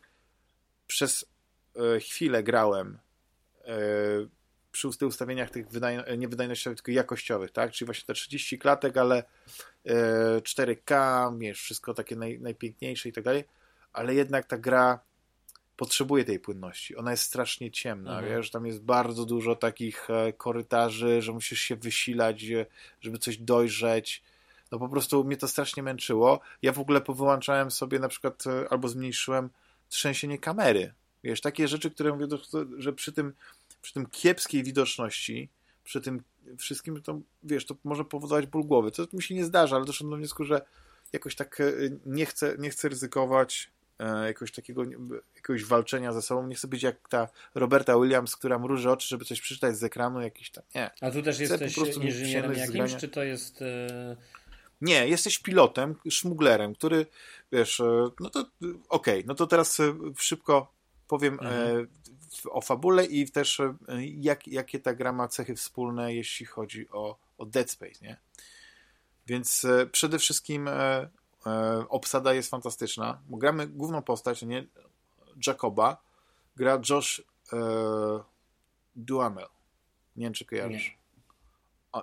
Hmm. Ale jakbyś zobaczył twarz, to na pewno byś skojarzył. Tam w ogóle też, e, znaczy jest kilka w ogóle postaci, e, e, wiesz, takich aktorów, e, których od razu rozpoznasz, bo wiesz, nawet nie po głosie, tylko po prostu po, po samej twarzy, nie? Ale w każdym razie jesteś szmuglerem, który po prostu lata między e, chyba właśnie tam, tam e, tym, e, tym księżycem e, Jowisza, no nie, chyba właśnie e, tą Europą ma, a tam jakimś innym jeszcze miejscem, ja nie pamiętam, to wiesz, taka dosyć niebezpieczna robota, ale bardzo dobrze płatna.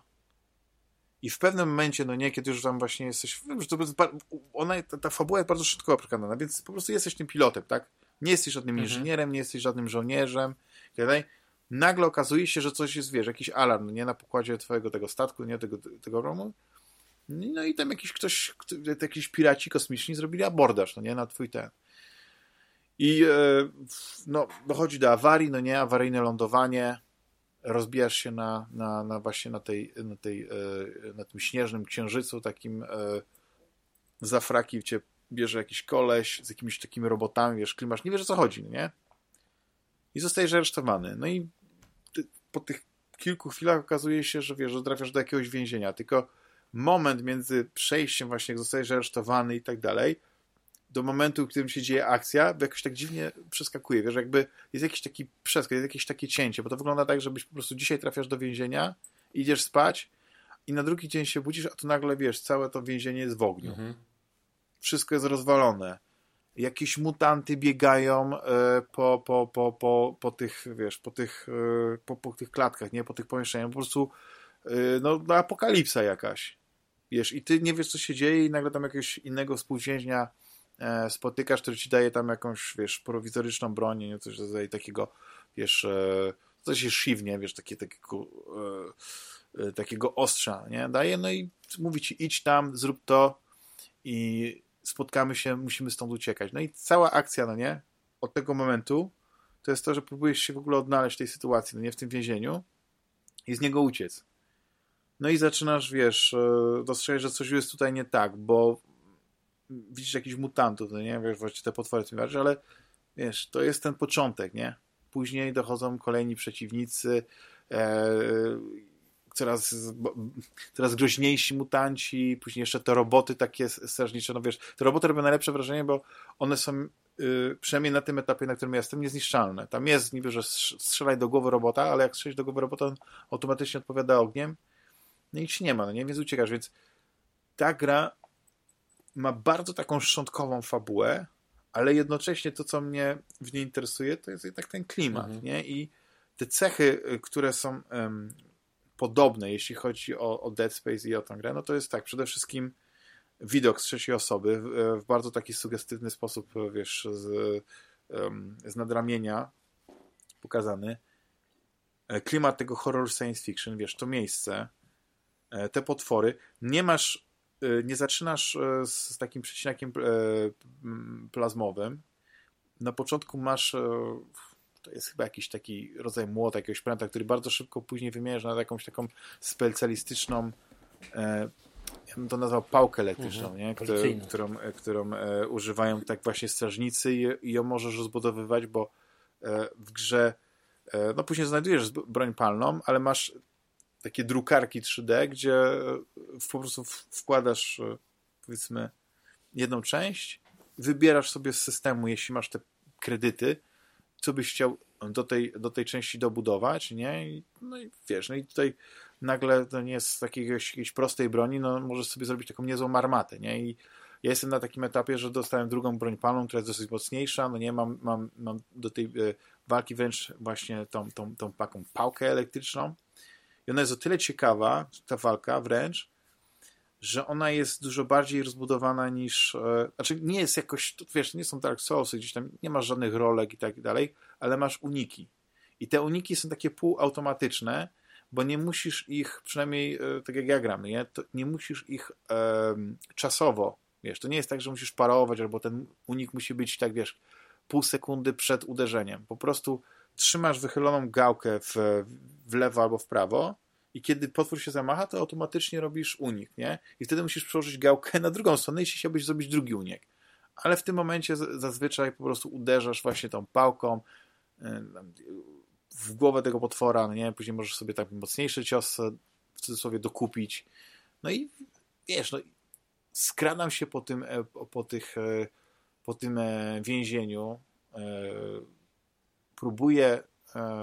Znaczy, nie chcę też za bardzo dużo zdradzać, ale generalnie jest tak, że cały czas e, po prostu próbujemy się wydostać z tego miejsca. Ten współwięzień, którego, którego udało nam się, powiedzmy, też wydostać, e, on idzie swoją ścieżką. Nie zawsze jest jakiś wiek to w grach. Nie zawsze jest jakiś powód, że gdzieś tutaj z jakiegoś powodu musimy się rozdzielić. A tu gdzieś on jest za jakimś tam urwanym mostem, więc ja muszę iść dookoła. A tu jest jakaś brama zamknięta, więc słuchają, mówi do mnie, no to idź tędy i tam dalej.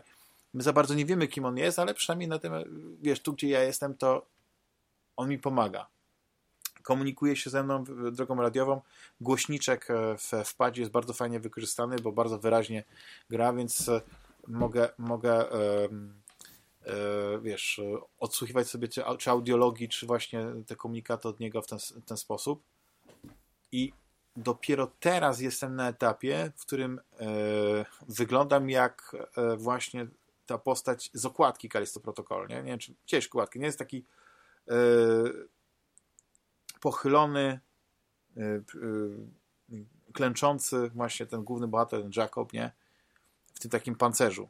I do tej pory ja biegałem w tym takim pomarańczowym stroju więźnia, nie? I byłem bardzo podirytowany, bo gra mechanicznie w pewien sposób ci ogranicza, no nie? Bo już na, na wczesnym etapie znajdujesz jakieś jakieś przedmioty, z którymi nie wiesz, co robić. Myślałem, że to one służą do jakiegoś craftingu i tak dalej, no ale później na pewnym etapie to, to doszedłem do wniosku, że je po prostu zbierasz po to, żeby je sprzedać. Tylko, że kieszeń masz ograniczoną do sześciu, do sześciu miejsc, nie?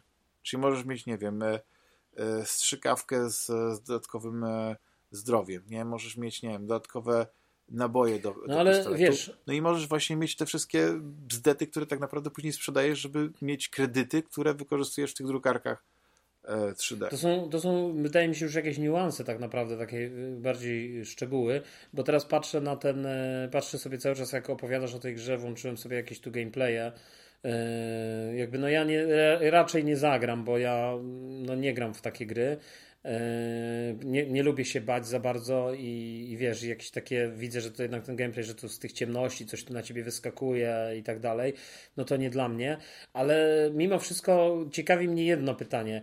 Y, jak oceniasz tą grę? Y, I to pierwsze pytanie, a jakby też powiązane z tym pytanie, jak daleko już jakby w niej jesteś, że tak powiem, tak? Czy ty już, nie wiem, jesteś bliski końca, czy, czy znaczy, skończyłeś? Dla kogoś, nie wiem, bo, ja, A, bo to nie, nie jest długa gra. To nie jest gra z typu, typu e, właśnie God of War, że jest, tam trzeba wkładować mnóstwo czasu i, i ten. Ja gram dosyć metodycznie. Staram się wyszukiwać e, albo przeszukiwać wszystkie zakamarki, nie? I o, o propos pierwszego pytania. E, oceniam ją na razie na, e, jako dobrą grę, ale po pierwsze, wiedziałem już, czego się spodziewać, więc obniżyłem sobie poprzeczkę, tak? Bo, bo, bo, ta, bo, bo słyszałem właśnie, że ta fabuła jest taka sobie, że tam właściwie e, wiele rzeczy jest niedopracowanych. Owszem, no, mogło być wiele rzeczy lepiej zrobionych. E, na razie zagadki środowiskowe e, są żadne. Nie, nie było nic takiego, co bym powiedział, że jest na, na, na poziomie Dead Space'a. Owszem, masz, e, znajdujesz zabawki, broń, która pozwala ci się jakby to powiedzieć, bawić fizyką, tak? Bo masz taką rękawicę, która mniej więcej daje ci podobne możliwości, jakie miałeś właśnie w Dead Space, czyli możesz mam tą telekinezę mieć, tak? Czyli podnosić przedmioty, możesz brać na przykład potwora i rzucić nim i jest dużo takich e, miejsc, gdzie są jakieś kolce na ścianach, no nie, że możesz tego potwora rzucić na te kolce, e, albo jakieś ogromne wentylatory, które po prostu jak rzucisz takiego potwora, ciśniesz go w, w, w kierunku takiego wentylatora, no on zostanie poszatkowany, więc jest trochę taka zabawa z, z tym związana. No i oczywiście masz e, no, może jakieś, wiesz, przestawianie jakichś rzeczy, coś tam, e, zbieranie e, takich rdzeni, które możesz przestawiać z jednego miejsca do drugiego, żeby tutaj wyłączyć e, prąd, ale tam włączyć, nie jakieś, ale żadna z tych zagadek środowiskowych nie była jakimś takim wyzwaniem, wiesz, nie, nie utknąłem. Niemniej w tej grze nie masz tego, co miałeś e, w Dead Space, czyli tą linię, która cię prowadzi. Wiesz, pamiętasz taką nawigację? E, naciskałeś chyba gałkę analogową i pod, podświetlał ci się taki, taki GPS-ik, który ci mówił, w którym kierunku masz iść do, do swojego celu. Tutaj tego nie ma, bo przynajmniej tego nie odkryłem, więc jak dochodzę czasami do rozstaju dróg, to się zastanawiam, czy iść w lewo, czy w prawo. Bo wiem, że w jednym kierunku jak pójdę, to jakby potoczy się akcja gdzieś dalej, nie? Znajdę kolejne miejsce, a mi zależy na tym, żeby odkrywać to, to, to, to miejsce, te informacje i są ukryte pomieszczenia. Właśnie znalazłem takie jedno pomieszczenie, które wyglądało jakby tam jakieś takie jakieś zebrania jakiejś tajnej rady się odbywały, nie? I e, masz bardzo szczątkowe informacje, które wyciągasz z tych audiologów, ale dodatkowo też no, widzisz, co się dzieje, nie? Bo na przykład oprócz tych audiologów też są nagrania holograficzne scen, nie? Wchodzisz do pomieszczenia, które było jakimś tam ambulatorium albo jakimś, nie wiem, prowizorycznym, nie wiem, szpitalem albo nie wiem, czymkolwiek, nie?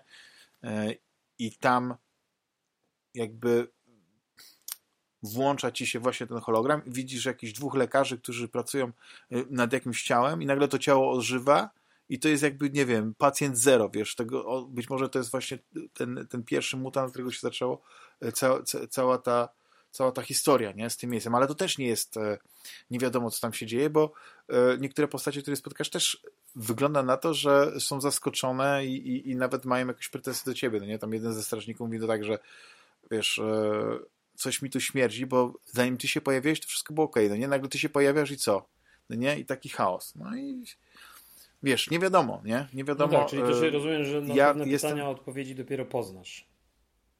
Tak, tylko że znowu właśnie z tych recenzji, które słyszałem, to, to że takie, to, to, to zakończenie jest dosyć otwarte, mm, nie, nie odpowiada na wszystkie pytania i prawdopodobnie mógłby być sequel, nie? który, znaczy będzie jakiś sequel, ale wszystko zależy od tego, jak ta gra się sprzeda. Dla mnie to, co jest najważniejsze w tej grze, to jest to, że po prostu jest niesamowity klimat i e, jest jedna rzecz frustrująca i już razu polecam, że jeśli ktoś by się odbił, ktoś gra, może tak grać jak ja, obniżyć sobie poziom trudności. Po prostu. Wiesz, bo yy, gra Ale na początku wydaje się być tak... w każdej grze. Tak, Zwykle tak, ale akurat czasami jak gram tak dla przyjemności, to a nie. To, nie, bo tutaj jest tak, że jak zginiesz, to zauważyłem, że te checkpointy są w cały świat. Nie mhm. ma czegoś takiego, że na przykład, nie wiem, checkpoint to jest miejsce. Tylko po prostu wchodzisz do, jakiegoś, do jakiejś lokacji e, i w pewnym momencie, nie wiem, czy przez głupotę, czy przez jakiś taki ten, chyba dwa czy trzy razy, e, wiesz, zginąłem i miałem przekonanie, że przecież tutaj wszystko zrobiłem. Cofnąłem się do tego miejsca, gdzie wydawało mi się, że był ten checkpoint i mówię, no teraz mogę iść tam, gdzieś dalej. Nagle się okazało, że ginąłem i musiałem cały ten taki fragment, nieduży, no, to, ale to wiesz, 5 minut czasami, 7 minut, nie wiem, 10 minut powtarzania tego samego jest irytująca. Znaczy... No i zacząłem wtedy już bardziej zwracać uwagę na to, e, bo mhm. sejwowanie nie sejwuje cię tak jak się wydaje, że w tym miejscu, w tym no miejscu. Rozumiem, tylko to po prostu tylko ostatniego... cofa cię do, do jakiegoś checkpointu, który, który może być losowo ustawiony. Ale jestem już na etapie, że chyba ta gra już zaczyna, nie wiem, może to już ten jest, e, nie wiem, e, jak to się mówi, drugi akt. Jeżeli byśmy podzielili grę na trzy akty, nie? To już mam ten kombinezon, mhm. więc już jest konkretnie, już mam lepszą broń i dwa, wyszedłem na zewnątrz, nie? Z tego, z, e, z tego, z tego, z tego więzienia i naprawdę są przepiękne takie widoki. Tam może jeszcze nie widziałem wszystkiego, więc to tak mówię, że przepiękne, ale jeszcze pewnie mnie coś olśni, ale jest taki niesamowity klimat, kiedy widzisz z tego księżyca, na którym jesteś, Jowisza. Mhm. Nie? No to jest niesamowity klimat, Jowisz jest ogromny, więc on zajmuje 3 czwarte ekranu. Tylko się zastanawiałem, dlaczego na przykład te, te, te, te cyklony, no nie, to wszystko nie jest jakoś zanimowane na tej planecie, tylko to jakaś statyczna grafika. No. ja rozumiem, że y, ktoś, kto by czekał, y, liczył na takiego czystego Dead Space'a, to, to, to może mieć pewien niedosyt, bo yy, brakuje w tej grze e, czegoś więcej, nie? Czegoś e, e, tego, tego budowania atmosfery lepszego, nie? Bo y, jak na razie to nie ma nawet tych dużo takich jumpscare'ów, no nie, że miałbyś się bać. Owszem, to co y, jest, to ta gra jest bardzo naturalistyczna. Te potwory wyglądają strasznie.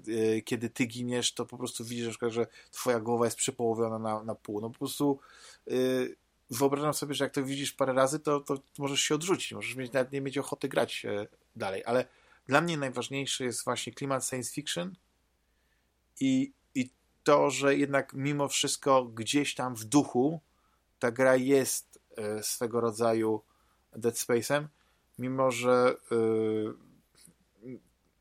no nie ma tak za bardzo wiele wspólnego poza, poza tym klimatem, poza bycie science fiction, nie? Wiesz, to nie jest, to, to nie jest Isaac Clarke, to Dla nie, mnie, jest, to nie jest to, z tego ale... co widzę i z, tych, mhm. tych, i z tego co też mówisz, to jednak jest e, to jednak, po pierwsze nie dla mnie, po drugie jednak ten poziom brutalności też jest dla mnie taki trudny do zaakceptowania, no wiesz, jakieś te od, odrywane ręce, tam to jest jakieś sceny, że tu ci urwał rękę, czy mózg zmiażdżył i tak dalej, no tak jak mówisz, głowę, no to nie wiem, nie.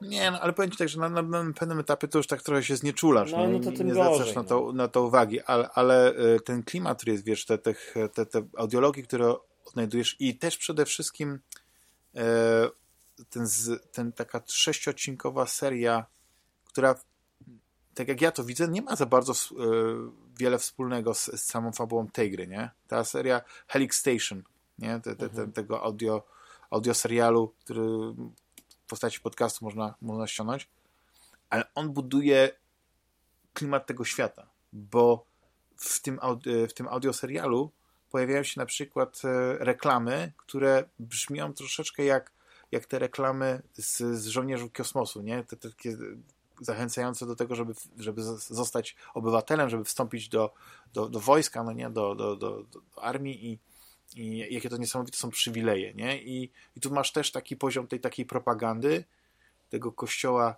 yy, yy, jak to powiedzieć, nie? Bo tutaj mamy po prostu taką jakąś korporację, która stworzyła właśnie ten nie jak się nazywa, ale coś z, z Jowiszem na, w nazwie ma, nie? I wiesz, to jest ciekawy świat, ale nie jest rozbudowany, ale czasami, wiesz jak to jest, czasami mniej znaczy więcej. Jakby mieli coś zrobić na półłebka i, i coś odpieprzyć, to może lepiej, żeby zostawili pewnie jakieś takie nie, niedopowiedzenie, żebym ja sobie sam mógł dointerpretować. Bo w momencie, kiedy na przykład Dead Space w kolejnych częściach rozwinął ten świat na takiej zasadzie, że oni mm, e, wyjaśnili skąd się wziął ten marker, no nie? że ten marker tak naprawdę jaką ma moc i tak dalej, no to to już było tak trochę za dużo, no ale wiesz, to w końcu e, Dead Space jest zamkniętą trylogią. Tam, tam wszystko było domknięte. Tam, tam nigdy nie było miejsca dla, dla czwartej części. Więc to nie jest tak, że po prostu e, twórcy chcieli zrobić czwartą część, ale nigdy nie, nie dane im to było i dlatego tym holdem, do, do, do, tym, tym czwartym Dead Space'em jest właśnie Decalisto Protocol. Nie. To jest gra, która ma wyglądać jak, jak Dead Space, ale ma, e, ma swoje, swoje elementy, swoją mechanikę walki i, i, i takie rzeczy, które, które ją w jakiś sposób wyraźniają. I ja bardzo jestem ciekawy, jakie będę miał po prostu ostateczne wiesz, spojrzenie na nią, jak już ją przejdę i, i być może w, w podsumowaniu e, za, za, ten, za ten miesiąc, kiedy będziemy rozmawiać o, o tych grach z tego roku, no gdzieś się umieszczę, no nie na tej liście, żeby o niej wspomnieć i, i, i w, nie wiem, czy wysoko, czy, czy nisko, ale, ale na pewno gdzieś tam się znajdzie, nie? Wiesz, bo, bo, bo, nie uważam, że to jest zła gra. W pierwszej Tam? dziesiątce? W pierwszej dziesiątce na pewno. Hmm, w pierwszej dziesiątce na pewno. Na pewno nie w pierwszej trójce, ale kto wie. Kto wie, czy na przykład nie w pierwszej piątce. Bo wiesz, bo no, nie mogę po prostu e, znaleźć jeszcze takiego momentu, w którym powiedziałbym, że rzucam padem, mówię, nie no, ta gra jest beznadziejna, wiesz, ta, ta gra mnie rozczarowała, nie? Mhm. To, to tutaj jeszcze do tego nie doszedłem. No ale e, polecać też nie będę polecał, no bo to nie jest na takim etapie. Ale generalnie każdy widział, jak wygląda, chyba wie, czego się spodziewać i, i będzie, będzie dobrze. Yy, a już, a ty w co ostatnio? Jeszcze no ja... Grałeś jakąś grę komputerową? Słucham? Ragnaroka kończysz pewnie, Tak, co? no ja y, chociaż ostatnio nie chce mi się w niego grać za bardzo, ale mm, nawet nie dlatego, że, że nie wiem, jakoś się tam rozczarowałem czy coś, tylko po prostu jakoś w ogóle mm, mało gram, powiem ci zupełnie szczerze, ostatnio. A to też za sprawą tego, że udało mi się tam skończyć parę gier, natomiast e, jakieś w międzyczasie. Natomiast yy, najwięcej chyba gram cały czas w FIFA, co jest pokłosiem e, FIFA 23, którą wiesz, sprawdziłem na PC, sprawdziłem, kupiłem też na PlayStation. Wcześniej w ogóle kupiłem jeszcze przed Mistrzostwami Świata na na Switcha. Wiadomo, ta wersja na Switcha to jest tak naprawdę stara FIFA sprzed tam, nie wiem, FIFA nie wiem, 18, e, która po prostu rok rocznie jest tylko, y, zmienia się numerek, natomiast gameplayowo to jest ta sama gra sprzed paru lat i tak dalej. I w końcu zagrałem, wiesz, e, w tą FIFA 23 na na PC w ramach Game Passa, potem, zagra, potem sobie tam odświeżyłem tą EA Play, zagrałem na PlayStation, żeby zobaczyć, czy te gry to są takie same. To są te same wersje de facto, wersja PC-towa, jak i ta wersja na konsolę. I bardzo mi się podoba ta nowa FIFA. I muszę powiedzieć, że widzę dużą zmianę dla mnie w stosunku do FIFA 22 gameplayowo animacje postaci, to wszystko dużo, dużo lepiej wygląda niż w tej poprzedniej, zeszłorocznej edycji. I, i bardzo się dobrze bawię w tą FIFA i e, już mówię o tej wersji, tej faktycznie FIFA 23, ale nie chcę za bardzo tutaj się o niej wypowiadać, ale polecam Ci sprawdzić jak, e, jak masz, e, czy to w ramach abonamentu tego EA Play na, na, na PlayStation, czy jak cały czas subskrybujesz na Xboxie, to sobie zagraj na czy w chmurze, czy gdzieś, bo, bo naprawdę bardzo fajnie wygląda, bardzo. Mam takie pytanko. Bardzo udana jest. A propos FIFA. Słucham? A, a, a propos takiej FIFA, tej mhm. może najnowszej FIFA, tam czy dodatek, bo zaprzestano robienia tych specjalnych edycji Tak, no jest mundial, nie? jest mundial jako osobna aktualizacja darmowa.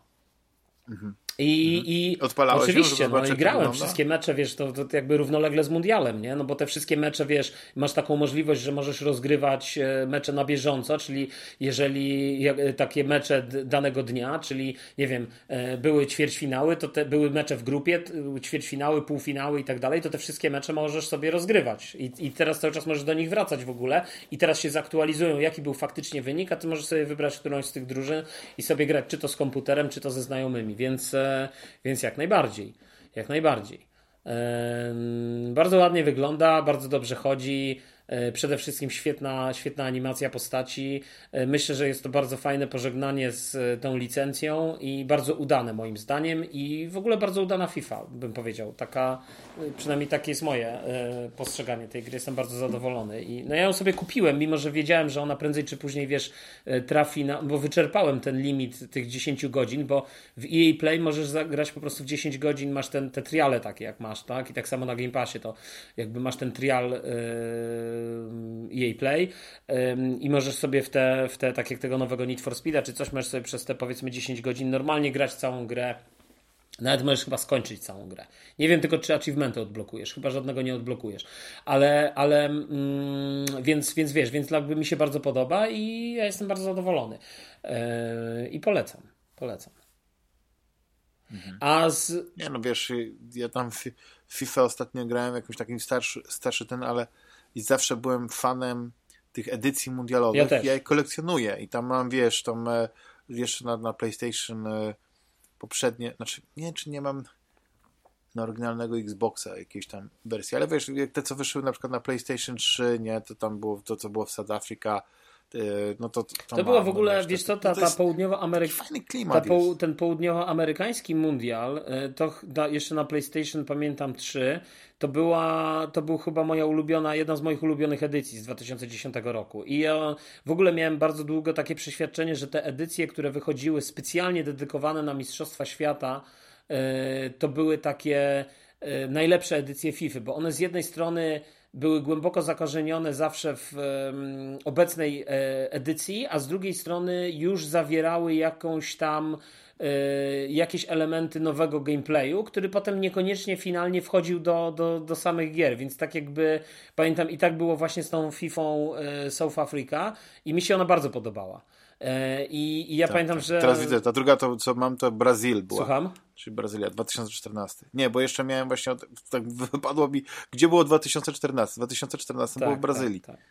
Tak, także natomiast ty, teraz już jakby nie ma tej edycji, no bo nie ma, ona jest po prostu, dar, jest darmowa aktualizacja do, do tego mundialu. Jako DLC, ja się tylko tak. zastanawiam, czy ta aktualizacja ona już jest i zostanie na zawsze w tej FIFA, czy na przykład yy, zostanie usunięta z tej FIFA na przykład za jakiś czas. To mnie ciekawi. To jest taka, taka ciekawa. Znaczy ja mam nadzieję, że, że no ja nie. Ja mam znaczy, nadzieję, że nie, ale właśnie między innymi... Znaczy na pewno te takie eventy i, i tak dalej, no to one się nie powtórzą, no bo No, one no są wiem, no, ale że nie ma, to, tej edycji, wiesz, było... nie ma tej edycji jakby osobnej, no to jest pytanie, czy wiesz, czy, czy, czy to będzie. No ale słuchaj, żeby już nie tracić czasu, bo tak myślę, że duż, duż, dużo już i tak rozmawiamy, to ja bym chciał tylko o jednej grze jeszcze porozmawiać, w którą też ty miałeś okazję zagrać i ja w nią miałem okazję zagrać. Rafał też chyba w nią grał. Yy ale nie przeszedł. Tak, natomiast my ją żeśmy skończyli. Ja w ogóle ją.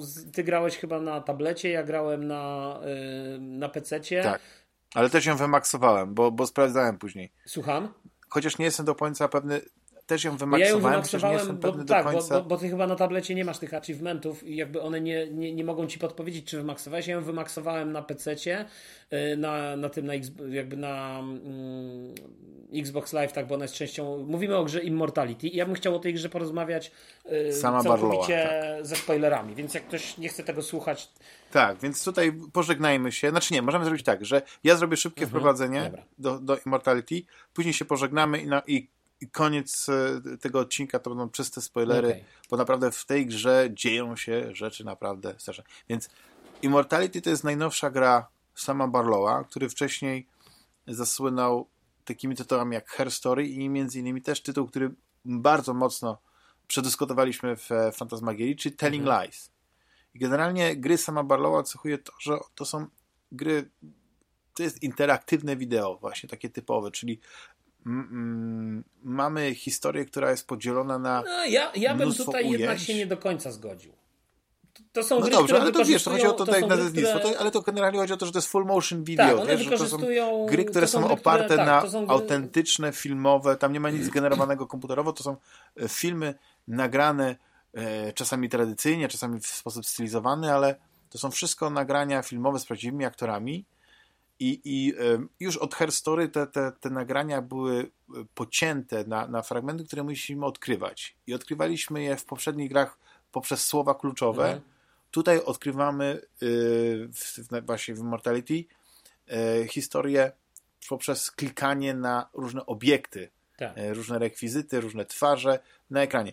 I wyjście z gry Immortality, znaczy założenie jest takie, że po prostu po latach odnajdują się pewne taśmy i pytanie jest, co się stało z tą aktorką Marison Marcel, która była tutaj gwiazdą tych film, filmów. I zaczynamy w bardzo prosty sposób, bo zaczyna się chyba od tego, że widzimy talk show, w którym ona jest, opowiada o najnowszym filmie, w którym zagrała, o Ambrosio, rozmawia w, w, z gościem, który wygląda jak Johnny Carlson, właśnie, więc to jest taki stylowany, taki typowy amerykański talk show. Bardzo sympatyczna rozmowa. No i zaczynamy odkrywać w tej grze trzy właściwie filmy poszatkowane właśnie na, na sceny i niektóre sceny są kompletne, niektóre sceny są tylko zarysowane y, po, jako, jako odczytywanie scenariusza na jakiejś próbie i, i, no i są też takie sceny, które są odgrywane, ale jako, jako tak, próba tak jakbyśmy prób, dostali, tak, tak jakbyśmy dostali po prostu materiał y, związany z produkcją jakiegoś filmu, w którym, tak jak mówisz, część scen to są po prostu te konkretne klapsy i e, ujęcia nagrane na planie. Tak. Część to są. No bo tak jak to w prawdziwej produkcji filmowej, część rzeczy jest. E, znaczy, po prostu sceny nie są kręcone chronologicznie. Tak. Dlatego niektóre tak. są skończone, niektóre są nie, tak. ale można właśnie można sobie ustawić sobie te wszystkie filmy, tak. które odnaleźli. Tak, albo według chronologii, albo według scen. I e, ja, e, to już tak kończąc tą część, e, właśnie e, nie, nie, nie spoilerową, to powiem, że ja miałem taką przyjemność, wiesz, że zanim jakby odkrywa, odkryłem to drugie dno, poznania tych filmów, dlatego że te trzy historie, które są wydawane, bo e, odkrywamy tą, tą aktorkę, która gra w trzech filmach. E, pierwszy to jest Ambrosio, to jest historia właśnie takiego e, mnicha, którego targają różne emocje i przez te emocje wchodzi w pakt e, z diabłem emocje związane właśnie z, ze słabością do kobiet, no nie? E, drugi to jest e, taki kryminał chyba, nie? No coś takiego, tak. Lata też, też jakiś, Mińsk. o jakiejś sztuce, o jakimś tak. artyście. Tak, detektyw po prostu bada sprawę morderstwa pewnego mhm. artysty znanego, który, tak. który właśnie obraca się w takim dziwnym środowisku. No i znaczy dziwnym. Chodzi o to, że to są te lata 70. Mhm. Nie, nie wiadomo, co mogło być dziwne. No i trzeci film, który jest już w latach 90., e, on się nazywa Two of Everything. I to jest historia aktorki, która ma swoją dublerkę, która jest bardzo podobna i, i jak to często bywa w takich sytuacjach, wymieniają się rolami i w pewnym momencie tam dochodzi do, do morderstwa tej jednej dziewczyny. Wiesz, I wszystkie te historie są bardzo ciekawe. Ja ułożyłem je według wszystkich scen, ja później wszystkie znalazłem i obejrzałem je po prostu jak filmy. I tak się wkręciłem w, te, w, te, w, te, w tą narrację, w tą fabułę, że mi w ogóle nie przeszkadzało, że w pewnych scenach musiała mi pracować wyobraźnia, bo, bo to było po prostu czytanie przy stole z reżyserem mhm. i aktorami, nie? No Taka tak. próba.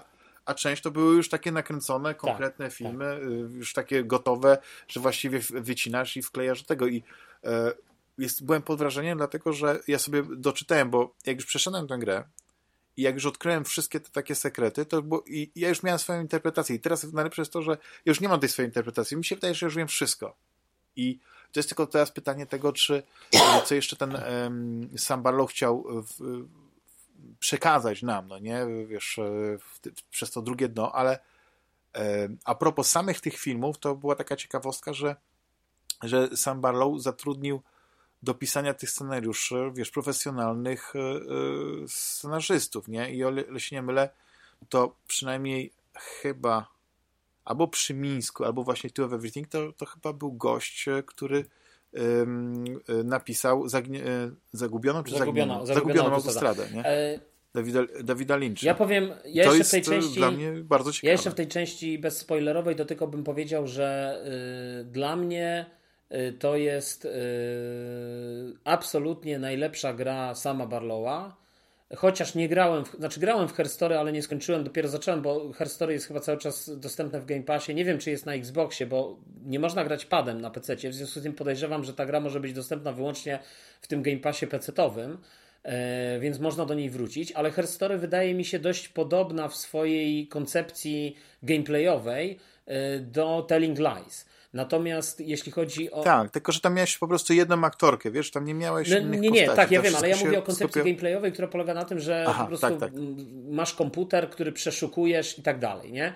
Jakby o to mi chodzi. Bo, bo to, że tak jak mówisz, że tam jest więcej aktorów i tak dalej, no to jest... E, ja nie wiem zresztą, czy to do końca jest prawda to, co mówisz, bo wydaje mi się, że niekoniecznie musi to być prawda, ale nie wiem tego. Natomiast jeśli chodzi, jeśli chodzi o y, jakby samą taką strukturę rozgrywki, to ona jest bardzo, to te gry są bardzo do siebie podobne. Po prostu Telling Lies to jest jakby next step w tym rozwoju. Natomiast jeśli chodzi o w ogóle Immortality, to tutaj jest troszeczkę, tak jak powiedziałeś, troszeczkę inny pomysł na ten gameplay, który właśnie polega na podążaniu za rekwizytami w, w pewnym sensie i to jest jakoś tam explicite powiedziane e, w tym e, w, na, na początku, czy tam gdzieś wykazane w samouczku.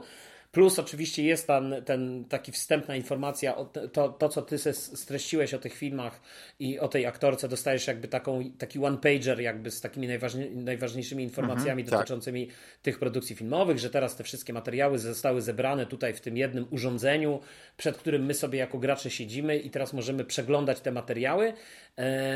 I ja pamiętam, że w ogóle, y, ale to już, dobra, jeszcze, jeszcze idą, bo boję się cokolwiek powiedzieć, ale ja jeszcze tylko powiem, że dla mnie to jest naprawdę opus magnum sama Barlowa i uważam, że to jest y, absolutnie jego najlepsza gra i coś, co naprawdę warto zagrać, zwłaszcza jeżeli ktoś szuka y, w grach właśnie tego czegoś więcej niż tylko ten. Ja bym w żaden sposób nie relegował tej gry do tego, że to jest, że to jest po prostu właśnie y, ten, ten, te, te, nie wiem jak ty to nazwałeś, tam te filmiki takie, tak? Jakoś... Nie, no się śmiałem, że interaktywne, że interaktywne wideo. wideo. To, ja bym absolutnie wideo, tak nie powiedział. Ale to jest, ale to jest, wiesz, to jest o tyle ciekawe, że to manipulacja tym obrazem, bo yy, ale to nie mów może jeszcze teraz właśnie, bo wydaje mi się, że to już jest... Tak, ale chodzi o to, że, że to manipulacja ta obrazem, że to przewijanie ma znaczenie. Ale to nie wiem, po co to mówisz właśnie teraz. Klikanie. To już powinno być powiedziane w moim zdaniem w tej części, dlatego, że jak już tak zacząłeś o tym no mówić... No dobrze, dobrze, to za chwilkę o tym będziemy Ale tylko dodam, że Barry Gilf, e, Gifford to jest ten e, scenarzysta, a że ta Ambrozja to jest na podstawie właśnie mnicha, takiej powieści. O, zresztą oni o tym mówią, no nie, bo tam ten e, Arthur Fisher, tak się nazywa, ten stylizowany na Hitchcocka reżyser, to chyba tego nie ukrywa, no nie? ale no to jest dla mnie fenomenalne, znaczy, ja, ja, ja bym powiedział... ile tych rzeczy takich, które można odnieść do, do naszego świata, no nie jest tym. Ale to co? To żegnamy się z naszymi drogimi słuchaczami. Trzeba zdecydowanie powiedzieć, że to jest tytuł, który y, trzeba zagrać, bo, bo to nawet nie chodzi o to, że y, jakbyśmy skategoryzowali tą grę. Chodzi o to, że to jest tytuł, który intryguje, który pozwala pokazać, że gry to nie tylko znaczy, jak, jak bogaty, bogate medium są, są gry i że takie perły właśnie jak Immortality się zdarzają. No i tak jak powiedziałeś, no najlepsza gra sama Barlowa, ale to tylko świadczy o tym, że on ewoluuje, że, y, że te jego pomysły znajdują um, ujście i że znalazł się właśnie Netflix, który dał budżet, żeby coś Tak, bo zatem w ogóle wiesz, pod, pod, bo, bo, to mówimy najlepsza gra, też mówimy gameplayowo i tak dalej, ale też jeszcze w tej, jak, jak jeszcze już kończymy tą część e, taką ogólną, to ja bym jeszcze też powiedział, że w, jakby ta jakość tych materiałów, które są w tej grze zrobione, czyli z jednej strony tego Ambrozja, tego filmu z lat, e, wiesz, ta stylizacja to nie jest tylko tak, wystylizowanie filmu, to jest stylizowanie tak. aktorów, kostiumów, e, mikrofon, dźwięk jest zrealizowany tak, jakby to było nagrane, nie wiem, tam 60 no, lat no, temu. Te, te taśmy, no, e, więc... Tak, dokładnie. No, jest, jest, są trzy filmy i każdy wygląda jakby po prostu był robiony na tak, innej taśmie. Tak, raz, że na innej taśmie, na, na in, innych, z użyciem innych obiektywów, z użyciem w ogóle innych technik filmowych, e, też innego sprzętu filmowego. Tak. Do tego jeszcze dochodzą takie materiały, e, które są zrobione jakby, wiesz, zwłaszcza przy okazji tym, tego mińskiego, tam jest dużo takich materiałów, które są jakby zrobione już takimi kamerami, nie wiem, 16 mm w cudzysłowie prywatnymi gdzieś na imprezach tych aktorów, jak oni sobie tak. sami rozmawiają o tych, wiesz, takie quasi, powiedzmy quasi prywatne materiały, ale dzisiaj to by było nagrane kamerą, yy, nie wiem, czy w latach 90. to jakąś kamerą DV i to też jest coś takiego w, w, tej, w tym Two of Us, yy, Two of Everything, przepraszam, yy, a, a z kolei tam to jest zrobione właśnie takim sprzętem, który, wiesz, który, który wtedy, no, kapitalnie zrealizowane to jest. Nie, no, przyłożenie się do detalu, żeby tak, oddać tak epokę, to jest fenomenalne, bo na przykład te materiały, które e, były nagrywane na VHS-ie, to widać, że są na VHS-ie, bo na, nawet ta mhm. taśma mhm. się tak starzeje, tak. wiesz, no te zniekształcenia, tak. te, te, te, to co widać właśnie, bo, bo te talk showy, no nie, są te, te dwa z, z, z, tak, są tym VHS-em nagrane i to widać, nie? że to było jakieś archiwum telewizyjne, gdzieś tam nikt nie przekładał, żeby to było na taśmie, żeby to można było po latach odrestaurować, tak jak się teraz odrestaurowuje filmy, nie wiem, y, Przeminął z wiatrem, czy, czy Lorenza Zarabi, i, I te filmy wyglądają jakby były kręcone dzisiaj, z, z ostrością e, jak żyleta. Ale w dalszym nie? ciągu wyglądają, no, ale w dalszym jest... ciągu wyglądają jak filmy z tamtej epoki, bo ten Ambrozja właśnie tak wygląda, nie? Ten tak. Ambrozja wygląda jakby był tak, oczyszczony tak, tak. trochę bardziej, tak? Ale z drugiej strony nie masz wątpliwości, że jest to film sprzed, mm. mówię, no 60 lat, nie? Ale też właśnie zastanawiam się, ty jako, jako e, filmoznawca, kulturoznawca tam widzisz właśnie Y, te, ten, ten, ten włoski, bo, to, bo, bo oni chyba kręcą właśnie we Włoszech z włoską ekipą, o ile się nie mylę. I, i, i czuć to, to kino trochę europejskie, nie? W tym, to takie, nie, no, nie jak to powiedzieć. Nie, no tak, no zdecydowanie, no wiesz, jakby... Już miasto kobiet Feliniego. Nie, ja bym nie powiedział, że miasto kobiet Feliniego. Nie, nie, nie, co ty, nie, ale to, ale to, ale to jest jakby, jest, jest ta, ja bym powiedział bardziej filmy, e, nie wiem... E, E, Antonioniego może, o coś takiego, wiesz, czy, czy, czy nawet nie Antonioniego, tylko tego, wyleciało mi teraz z głowy e, jakby ten reżyser, mhm. bardziej takie filmy, wiesz, jak na przykład Pasolini, o, wiesz, Pier Paolo Pasolini, wiesz, czy, czekaj, muszę sobie sprawdzić teraz tylko, kto zrobił ten jeden, jest taki świetny film, który uwielbiam, który w ogóle wszystkim polecam, który się nazywa Zawód Reporter, tylko wyleciało mi, nie wiem, czy to Bertolucci, nie, chyba reporter. Nie pamiętam już, kto to zrobił w tej chwili, muszę sobie to sprawdzić. Um... Nie, no się tak śmieję, że wiesz, że La Dolce Vita Federico Felliniego, mm, wiesz... Nie, nie, nie, ale, ale ja bym nie powiedział, nie, ja bym nie powiedział, że to jest La Dolce Vita, bo Dolce Vita to jest po pierwsze czarno-biały, po drugie to jest troszeczkę inny, inny feeling, wiesz, e, jednak tego filmu. No kur... E, Antonioni, no dobrze powiedziałem, no Antonioni, świetny reżyser zresztą. E, to właśnie bym powiedział, że mimo, że Zawód Reporter nie jest filmem historycznym, ale to ten, ale na przykład weź sobie też Decameron przecież, to jest Pazoliniego chyba, e, o ile dobrze pamiętam. I Decameron wydaje mi się jest najbliżej Ambrozja i też, też e, tak, i, i też jest filmem właśnie z 71 roku. Nie wiem, czy oglądałeś Decameron na podstawie w ogóle przecież tej, tej, tego wybitnego dzieła Boccaccia. I, I, myślę, że wiesz, że, że, że to jest chyba najbliżej e, tym klimatem, też taki obrazoburczy, erotyzujący e, i tak dalej, i tak dalej. Tak? Wprawdzie nie, nie w taki, e, że tak powiem, otwarty sposób kontestujący powiedzmy te fundamenty chrześcijaństwa, czy taki, wiesz, bo to jest ta, ten Ambrozio to jest, e, jest jakby tym kaznodzieją, tym księdzem, tak, w, tam w, w jakimś opactwie czy gdzieś i, i ona się tam przykry... No tak, on jest, on jest e, uznawany za takiego głosiciela, takiego, no, tak. Umiłowanego właśnie, tak, tak, tak, tak głosiciela którego po prostu, Słowa Bożego. Krasomówca, którego przy, przychodzą słuchać No ale wiesz, ale cała ta jakby, cała ta, cała ta jakby fabuła mówiąca, mówiąca o tym, że on zostaje de facto mm, zwiedziony przez szatana w cudzysłowie, nie? I, ta, i taka jakaś taka obrazoburczy taki, taki, taki wydźwięk, no to właśnie mówię. No, no bo to są takie, takie podwójne dno jest, bo tam jest jedna, że jest właśnie ta, e, ta, ta, ta postać, którą gra e, Marisa Marcel, tak? A później się pojawia jeszcze ta, ta, ta, ta, ta, ta druga dziewczyna, w której ten e, Ambrosio się zakochuje i to jest też tam jakiś taki, takiego dramatu, no nie, dochodzi, no nie, wiesz, to jest, to jest bardzo ciekawy, no właśnie to fabularnie mi się podoba, ja byłem zafascynowany, że to jest na podstawie powieści yy, z XVIII, z końcówki chyba XVIII wieku, nie, bo to chyba 1790 któryś, ósmy rok, i taki temat, wiesz, taki znaczy, ja obrazoburczy. Tak, ale ja bym właśnie powiedział, że w tej. Y, taka, wiesz, to jest ja, chyba jakaś powieść gotycka. Ja, ja bym powiedział, że w tej warstwie estetycznej, nie, nie, bo, bo to jednak zupełnie jest inna historia, są demony, duchy i tak dalej, ale w tej warstwie estetycznej e, wydaje mi się, że ja bym strzelał, że kino Pazoliniego było tu największą, największą inspiracją dla, przynajmniej ja to tak odbieram, dla, dla tego Ambrozja. Jeśli chodzi o, jeśli chodzi o ten, e, o ten, o ten środkowy, no to to wiesz, to są, to to już masz to kino takie, nawet bym powiedział amerykańskie już bardziej, już nie europejskie. No nie? tak, francuski łącznik. Tak, te takie wiem, kino, no. takie, takie dokładnie, ten, ten, dokładnie, dokładnie, dokładnie tak. Myślę, że to są dobre tropy, tak, w tej warstwie estetycznej, nie? E, I, i plus oczywiście jeszcze te jakieś takie nagrania. Natomiast ten ostatni film, to nie wiem, czy pamiętasz, był taki film, chyba to się nazywało Historia Przemocy. Nie wiem, czy to Zodeberg zrobił, czy, czy ktoś inny. Takie właśnie kino lat 90., ale spod znaku e, spod znaku jeszcze, jeszcze takiego bardzo artystycznego e, sznytu. Może nawet bym powiedział, że troszeczkę z tym Lynchem, czyli tą zagubioną autostradą, ale jednak mam wrażenie... Ja bym powiedział Mulholland Drive nawet. Czy Mulholland, wiesz, tak, tylko że mi się wydaje, że, te, że, że tu jest jednak dla mnie w warstwie estetycznej ten tu o was jest taki bardziej, bym powiedział, w cudzysłowie telewizyjny, bardziej w cudzysłowie taki, no jednak Mulholland Drive czy Zagubiona Autostrada to są takie filmy kinowe, to są takie, takie filmowe filmy. A tu jest bardziej, masz takie wrażenie, jakby to było robione mm, taką nowocze- ktoś zafascynowany nowoczesnymi kamerami, nowoczesnymi zdobyczami techniki lat 90. Y, robi film, który jednocześnie jest jakby takim autorskim filmem znowu, Mhm. E, no. Czyli czekaj, ja już zaraz ci powiem reżyserów. Ale wiesz co, ale wiesz co ten Two of uh, Everything. Tak, Cronenberg. To bym powiedział z podznaku e, Cronenberga i też tego e, Wernera Herzoga, tak.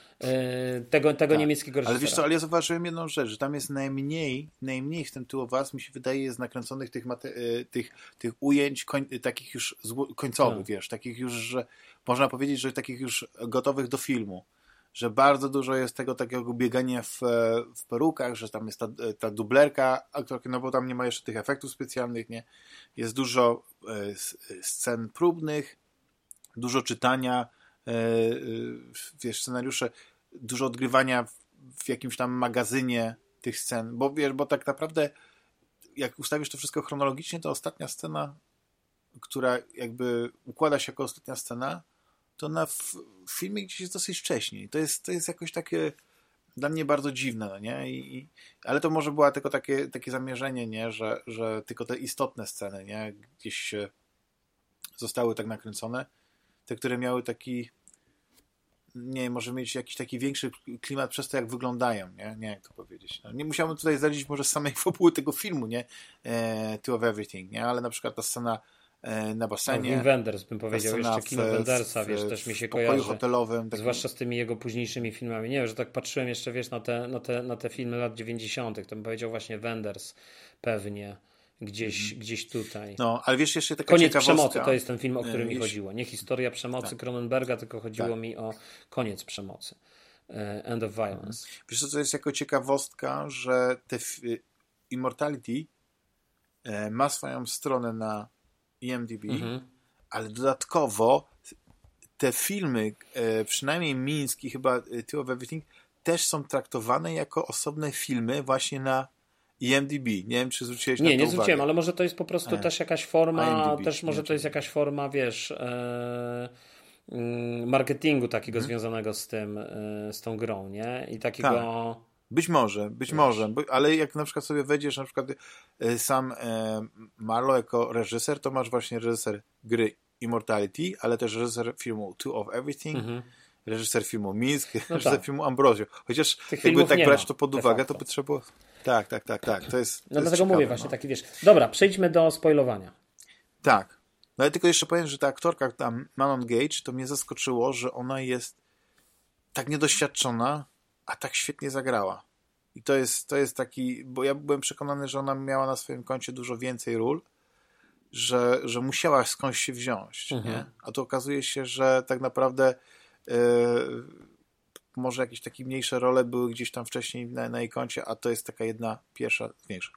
Dobrze, dziękuję wszystkim naszym drogim słuchaczom. Mam nadzieję, że zachęciliśmy Was, żeby zapoznać się z grą Immortality, bo i jeśli ją skończycie, wróćcie do nas, albo jeśli ją skończyliście, to zostańcie z nami, bo teraz będziemy rozmawiać o tym, czym ta gra tak, tak naprawdę jest. Ja zacznę od jednej... Ja do zacznę, usłyszenia. Tak, do usłyszenia. Mhm. Ja zacznę od jednej... Dawaj, powiedz mi, jak odkryłeś, że, że ta gra ma No więc właśnie, bo, to jest, bo ja pamiętam, słuchaj, tą moją też frustrację, pamiętasz, ja jestem takim zawsze bardzo emocjonalnym graczem, który jak się na coś wkurza, to od razu wam spamuje na tej waszej grupie.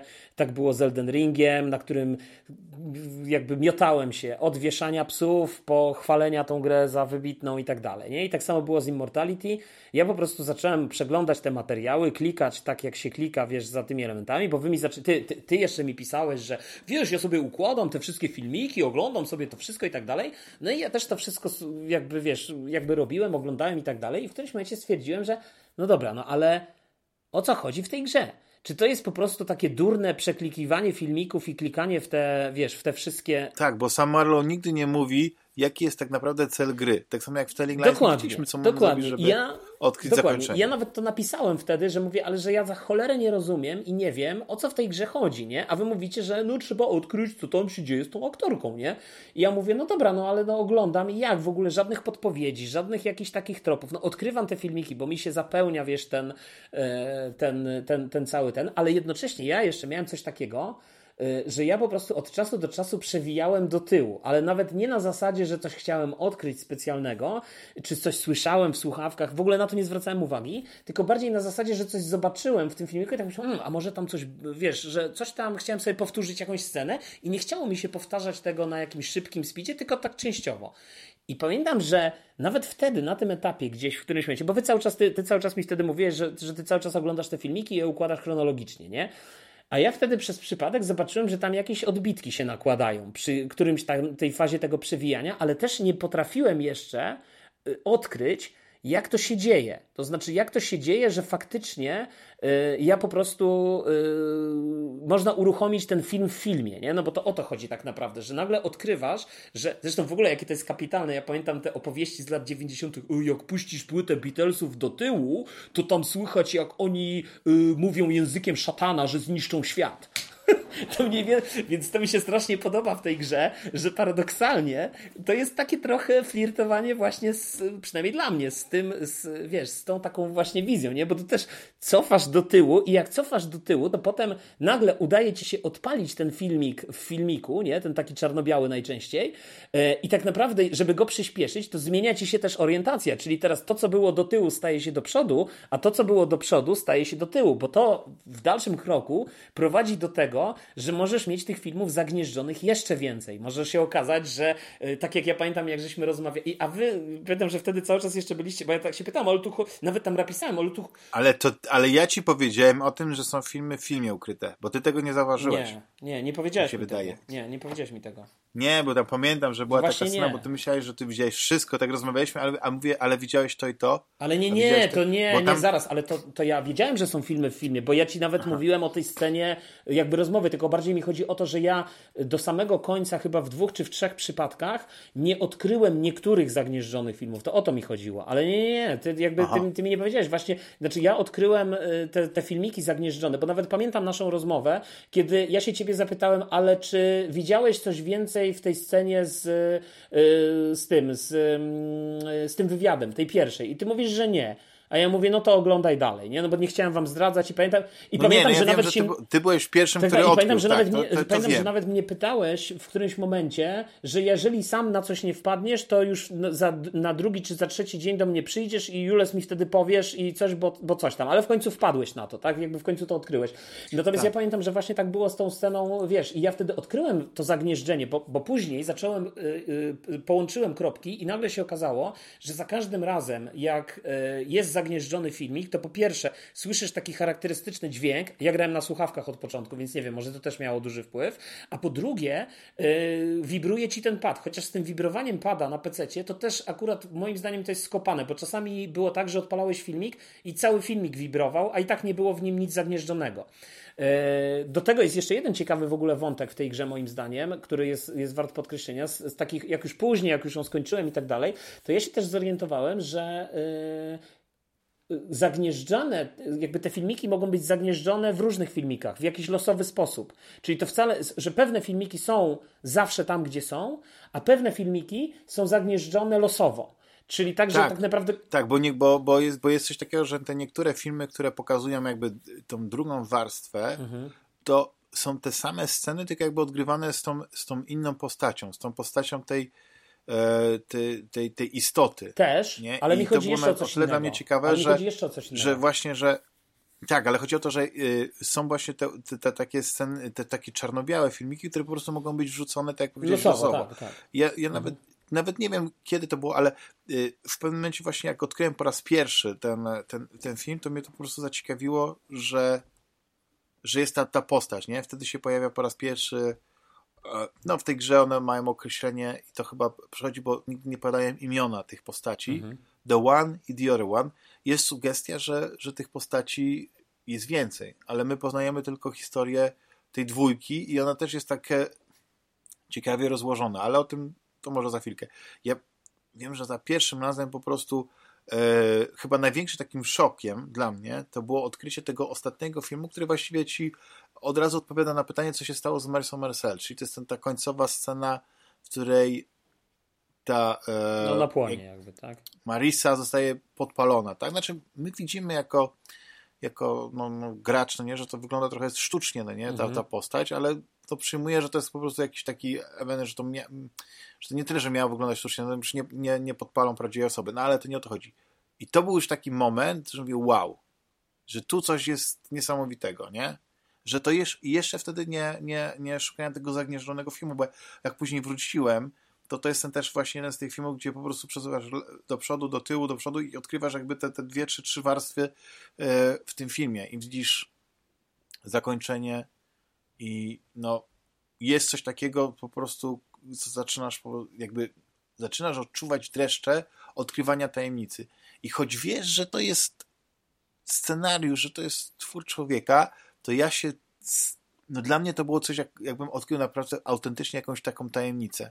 I w ogóle nie czytałem nic na temat e, tych postaci, nie, nie, nie, nie, nie doszukiwałem się y, kluczy, jak to interpretować, tylko po prostu odkrywałem sam. I wiesz, ja miałem różne wizje, y, że to są jacyś nieśmiertelni, że to mogą być jakieś wampiry, że to może być to i to. I to było niesamowite. Dla mnie ten taki proces odkrywania aż do takiego momentu przesycenia był mega interesujący, bo w momencie już takiego przesycenia, kiedy już odkryłem wszystko, bo e, i ja, i ty spędziliśmy grubo z tą grą ponad, nie wiem, chyba z 15 godzin albo i więcej, nie? Bo e, nie, to ja więcej. Oprócz obejrzenia tych wszystkich filmów, e, to, to, tak, tak.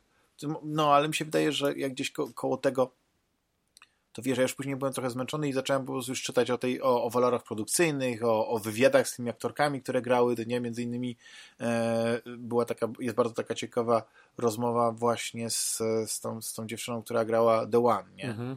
I, i, i ona, nie, ona nie zdradza zbyt wiele, tylko tam jest też kwestia tego, że oprócz tej, tej, tej Patrz, A ja znalazłem właśnie to, co jeszcze, słuchajcie, słuchaj, jeszcze ja znalazłem, no. przepraszam, że tak ci brutalnie tutaj wejdę, niech, niech, niech gadają sobie, ale znalazłem, od, odświeżam sobie tą naszą, y, to co żeśmy pisali na, me, na tym, na, na Messengerze. I tutaj nawet ja pisałem coś takiego, że Tutaj coś tam pisaliśmy o tłumaczeniu. Ja mówię, że w Telling Lines było wiadomo, że prędzej czy później czas się skończy, że o co tu chodzi. Powiem tak, jakość wykonania super, ale całość jest dla mnie, to ja piszę, nie? Męcząca, odblokowuje jakieś z dupy achievementy, odkryć trzy kawałki sztuki albo ptak to symbol tego, ale to jest takie mętne i te jakieś, i to już był moment, kiedy ja już widziałem te filmiki za, za, zagnieżdżone, ale jeszcze nie potrafiłem znaleźć e, metody, jak je odkryć. I pisałem tak, i te jakieś powiedzmy metafizyczne momenty, że się pojawia coś na ujęciach, ale jak robisz stopa, to tego nie ma. Totalnie z dupy. Na razie dla mnie.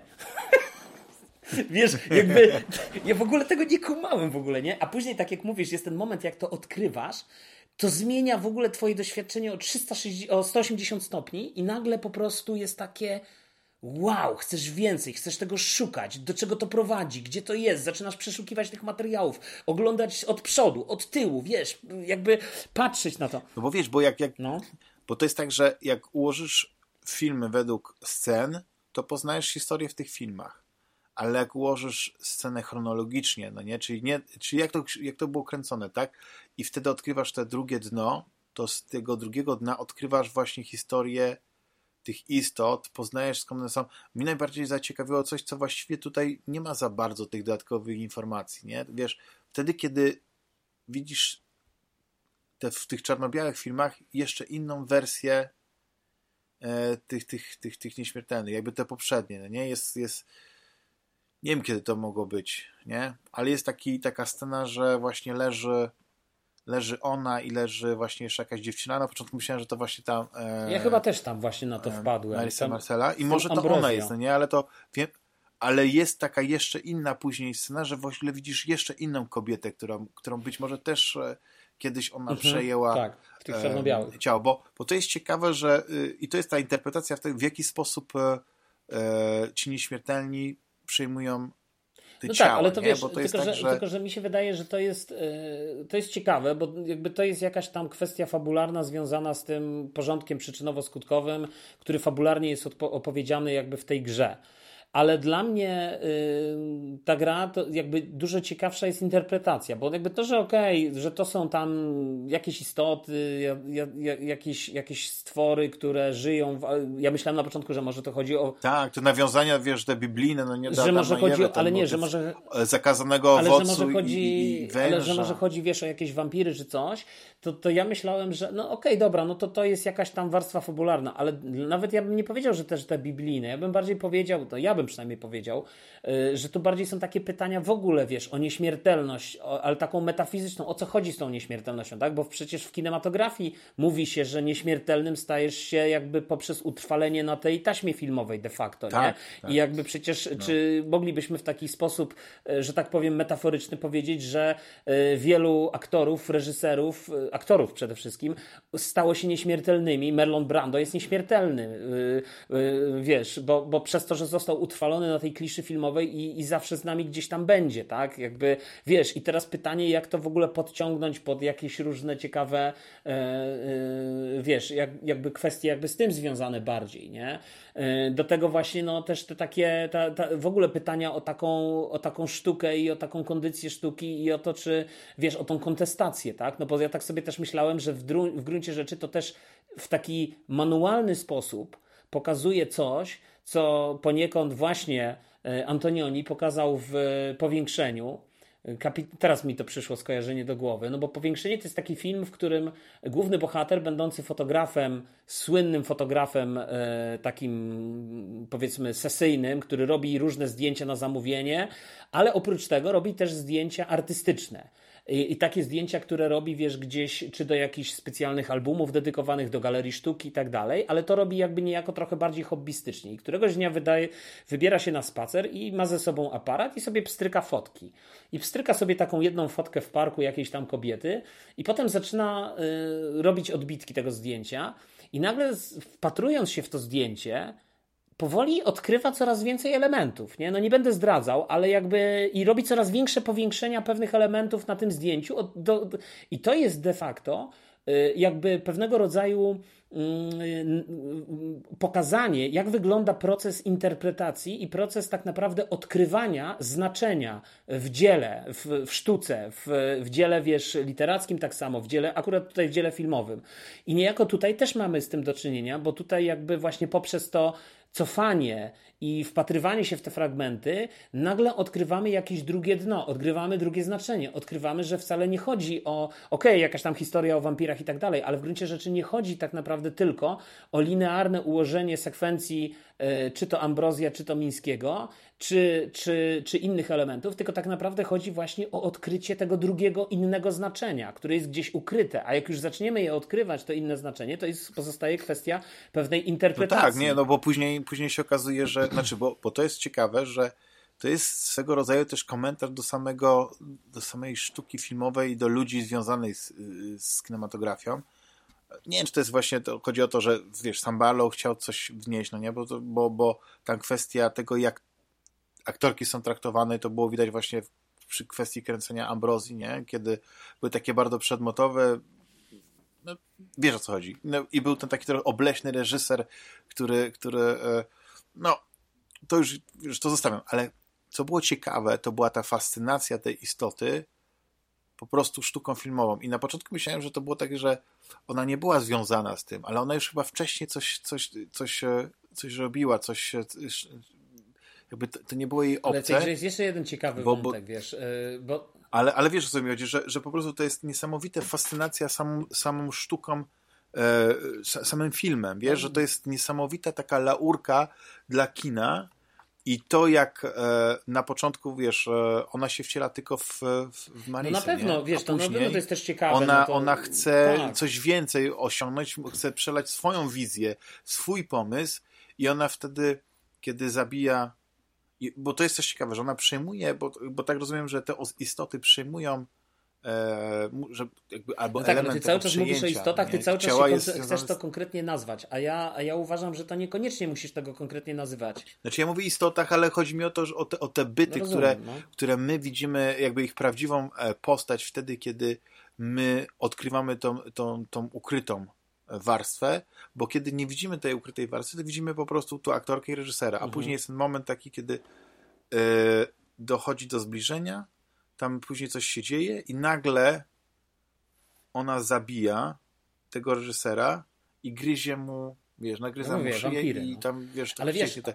Tak, i to mówię, kurczę, wampir, nie? Ale to chodziło o to, że ona po prostu była świadkiem śmierci tej istoty i ona jakby częściowo przejmuje wtedy nad nią kontrolę. Nie, no tak, i, ale- ale- I, i energię, ducha. I, I tak samo właśnie było tłumaczone, bo tak to interpretuję, te, ten achievement, który dostajesz, z, jak się zastanawiasz, jak to się stało, że e, zapomniałem, jak się nazywa ta, ta brunetka, ta aktorka właśnie, która się pojawia w Two, two of Nie pamiętam. E, to ona, ona jakby zastanawia się, w którym momencie, właśnie to mnie zawsze intrygowało, w którym momencie ona przejmuje, znaczy the, the other one przejmuje jakby kontrolę nad nią. Nie? Pamiętasz, to był taki moment. No że, tak, ale wiesz, że ale no ty się kurczę, jakby cały e, czas- Kiedy cały to się czas- stało? I to jest ukryte, to bardzo ciężko znaleźć. No rozumiem, ale to jest, ja, ja mam wrażenie, że to jest cały czas jakby, okej, no to jest jakiś trop fabularny, natomiast mnie bardziej interesuje to wszystko, co jest między słowami w tej grze i między Mhm. wierszami. Czyli na przykład Tak. y, kolejna rzecz, którą tak też miałem takie spostrzeżenie w, Amy Archer. Tak, ja też miałem takie spostrzeżenie w tej grze, że, że wiesz, y, jakby grając, y, czy to nie jest też tak, że to jest e, jakaś e, aluzja i, i jakieś nawiązanie też do jakiegoś Fausta, do, do, do jakiegoś takiego paktu z diabłem, który muszą zawrzeć wszyscy wielcy artyści. Nie bez kozery tam w niektórych fragmentach na ścianie wisi, zdaje się, Humphrey Bogart. E, Jeszcze, zresztą w ogóle ten, ten Bogart jest tu obecny, bo jedna z tych e, mówi o tym, że i tak jak mówisz, te seksistowskie rzeczy, że ona mówi, że ona tam opowie jakiś sketch z, z jakiegoś tam, nie pamiętam, z jakiegoś filmu, w każdym razie z Bogartem i on mówi, o, to powiesz kwestię Bogarta, a ona mówi, nie, kwestię Bakal, nie, czyli tej żony Bogarta, która zresztą i jego partnerki filmowej.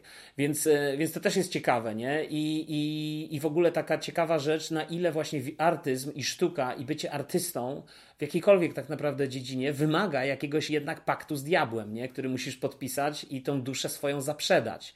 I tu jest ta dusza, jest gdzieś tam zaprzedana nie? W, u tych postaci. Do tego jeszcze jest jeden ciekawy wątek, mianowicie nawet jak my się dowiadujemy, je- jest ta scena, jak tam w końcu odkrywasz gdzieś jak ta nasza Marisa leży z tym e, i obok niej, który też się pojawia na niektórych fragmentach i ona umiera. Nie wiem, czy ona jest ranna, czy to jest wojna, czy ona gdzieś zginęła na... Ona tam mówi, zdaje się, że gdzieś tam chyba gdzieś pada w, w tych dialogach, że ona ją No tam, znaczy na pewno gdzieś we Francji, we Francji tak, że ona dzieje, ją przejęła, bo... czyli gdzieś w czasie II wojny światowej. Jest też jeszcze w ogóle jedna ciekawa scena, czy nawet pierwszej, nie, wydaje mi się, że drugiej, ale jest też jedna ciekawa scena, jak ona mówi, y, jest taka scena, y, jak ten Ambrosio tam chyba y, gwałci tą, tą drugą dziewczynę i to jest odgrywane w ogóle nie w, nie w scenach takich, tak jakby w próbach, nie, na próbach, czyli bez, bez klapsa filmowego, albo z klapsem, tylko że generalnie to jest próba.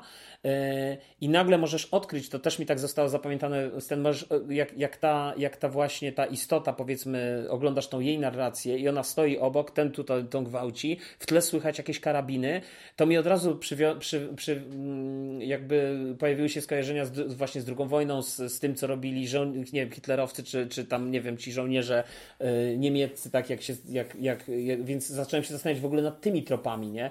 Więc myślę, że jakby ta pojemność interpretacyjna tej gry jest tak duża yy, i, tych, i tych różnych przekazów, że myślę, że jakby okej, wątek, yy, yy, że tak powiem, poskładania tego do kupy, czym są te istoty i tak dalej, to jest jakiś tam jeden wątek, ale myślę, że do tego dochodzą jeszcze mnóstwo takich ciekawych tropów, już stricte właśnie bardziej interpretacyjnych. No nie, znaczy w sensie tego to się nie odkryje, kim on, oni dokładnie są, bo to są jakieś nieśmiertelne istoty, które żyją od zarania No tak, ale ludzkości. nie bardziej interesuje. No tak, ale diabeł też żyje od zarania. Wiesz, ale, ale szatan też. Nie no, Damian, ale szatan też żyje od zarania ludzkości. Dlaczego to nie może być szatan, nie? Jakby wiesz, to jakby znowu, to, to nie musi być jakiś wampir, ty byś chciał, żeby to był yy, znaczy, potwór znaczy, z Kalisto Protocol. Yy, mógłby być to Bóg i, i, i szatan, no nie? Tylko, że yy, masz takie nie wiem, znaczy to jest o tyle ciekawe, że, że tutaj yy, chodzi o to, że te, te, os, te, te istoty, one nie tyle, że yy, znaczy to, że są nieśmiertelne to jest jedno, nie? Ale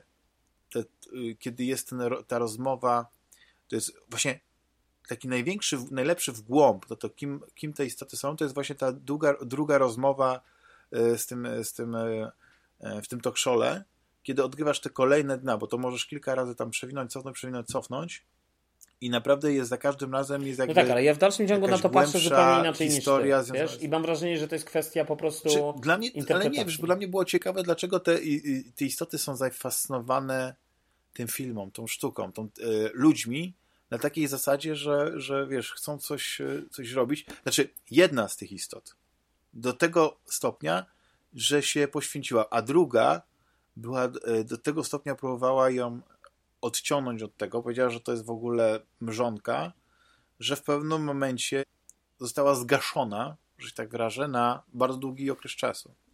I to jak się to wszystko kończy, to dla mnie to był taki dosyć smutny, smutny koniec, wiesz, taki dosyć nawet tragiczny. Bo e, jak widzisz te ostatnie sceny, kiedy już yy, wiesz, ledwo kontaktuje. Właśnie to jest ciekawe interpretacji, bo na początku tak się zastanawiasz, o co w tym chodzi, nie? Kiedy ja pierwszy raz zobaczyłem jak e, kończy się ta scena z telefonem, nie? Pamiętasz, mhm. jak tam e, w, w Two of Us ona kręci, e, bo tak, w Two of Us, ona kręci tym telefonem i, i tym, w tym telefonie e, po tej scenie jest e, scena, że ona wchodzi chyba do, do kuchni i pada na podłogę obok tego, tego Johna e, reżysera, nie? jak się nazywa? No nieważne, słuchaj, no nieistotne to jest, no. John Durick, nie?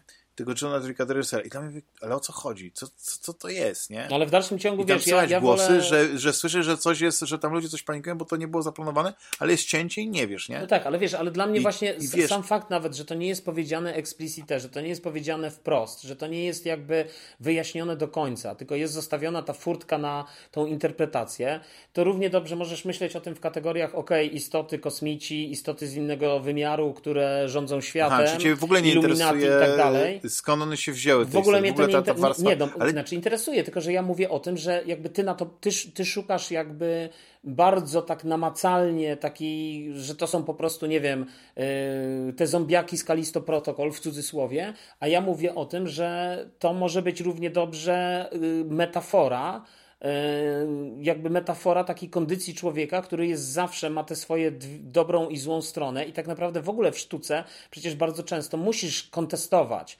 I wielka sztuka bardzo często polega na tym, że kontestuje rzeczywistość, kontestuje, e, e, że tak powiem, jakby wielka sztuka nie polega na tym, że robisz film o teraz zastanawiam się, kogo tu wymienić, powiedzmy Piłsudskim i robisz mu po prostu laurkę, mhm. tylko wielka sztuka, jeżeli chciała, chciałbyś dotknąć temat Piłsudskiego, to skupia się na jakimś elemencie, na jakimś motywie, żeby pokazać, nie wiem, może jakiś dylemat. Rozumiesz, mnie, był taki film, zdaje się chyba, e, wiesz, masz nawet popiełuszko, tak? Z tym, to jest film, który pokazuje złoty, e, który pokazuje kryształowy obraz popiełuszki. Może taki był, ja nie wiem, wiesz, ja nie chcę absolutnie tutaj się wypowiadać, może popiełuszko taki był. Natomiast bardziej mnie, mówię, że jakby sztuka powinna raczej zadać pytanie, a może ten popiełuszko miał jakieś słabości, a może ten Piłsudski miał jakieś słabości, może on tak naprawdę coś, coś było dla niego w jego życiu wiesz, może on się zmagał z czymś. I jakby, i, i może... No i, tak, i może, ale, znaczy, dobry poczekaj, film, ale daj mi dobry, dokończyć. Dobry, daj mi do, pokazuje ale, przemianę. Do, ale ja nie chcę żadnej no. przemiany. No. Ja mówię o tym, że może ten film, poka że, że właśnie pokazujesz tak naprawdę, że on, okej, okay, finalnie osiągnął jakąś tam wielkość w swojej dziedzinie, czy był wybitnym dowódcą, wybitnym kaznodzieją i tak dalej, ale jakby to też było związane z jakim, z przełamaniem własnych słabości, z przełamaniem pewnych rzeczy z, i tak dalej, i tak dalej. I, no tak, ale musi jakiś czyli, czyli chodzi mi Ale chodzi mi o to, że to jest właśnie jakby kwestia pokazania pewnej, pewnej kontestacji, pewnej, pewnej rzeczywistości, tak? I tak samo w sztuce. No wielka sztuka spod znaku chociażby właśnie reżyserów, o których mówiłem, czyli Pasolini czy, czy, czy Antonioni, polega na tym, że oni jakby, mm, jakby kwestionują takie utarte, bo rozumiesz, inter... chodzi mi o to, że szukanie... No tak, to ale dla ciebie, dla ciebie y, to, co widzisz w tych ukrytych filmach, jest metaforą. To jest dla mnie, znaczy, bo, oczywiście. Nie widzisz tych istotach. Myślę, że na pewno. A, a ja na przykład widzę, chciałbym widzę jeszcze skończyć. w tym nie zombiaków z tego, tylko ja widzę po prostu kwestię, że ten na, e, że po, są istoty. Nie, no Damian, ale poczekaj, ja chcę właśnie skończyć, chcę tylko dokończyć to, co chciałem no, powiedzieć, no bo myślę, że to jest istotne, tak? Jakby z, z, tego, co ty dalej będziesz mówił, bo jakby hmm. dla mnie szukanie jakichś istot i tak dalej, to jest bardzo oczywisty trop. To jest bardzo oczywiste. Bo tylko, że to, rozumiesz, to jest coś, co tak naprawdę, yy, okej, okay, no ja od razu mogę się nad tym zastanawiać, bo to od razu gdzieś tam tam jest, tak? Natomiast dużo ciekawsze wydaje mi się pytanie, o te nieoczywistości, o te, o te ciemne are, o te, o te ciemne zaułki, o, te, yy, o to, co jest ukryte między słowami, o to, co tak, na, jakie jest, pra, na, bo to, że to są takie czy inne istoty, to jest jedno, ale mnie dużo bardziej interesuje odpowiedź na pytanie, co to wszystko znaczy. Bo jeżeli odpowiedzią na to pytanie jest, to znaczy, że to są istoty, które sobie żyją w alternatywnej rzeczywistości i są wampirami energetycznymi, to powiem szczerze, słabe znaczenie. Dla mnie przynajmniej. Z, nie, ale ja mówię o swoim odbiorze.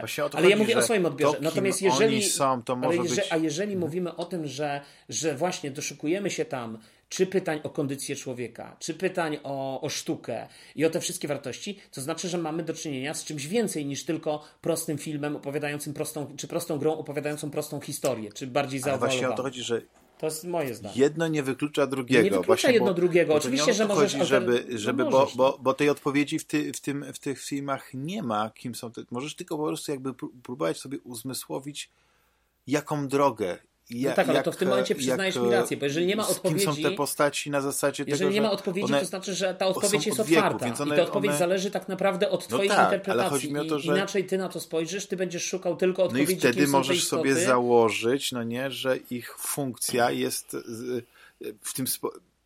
Znaczy, chodzi mi o to, że to mogą być, nie wiem, podróżnicy w czasie. To nie o to chodzi.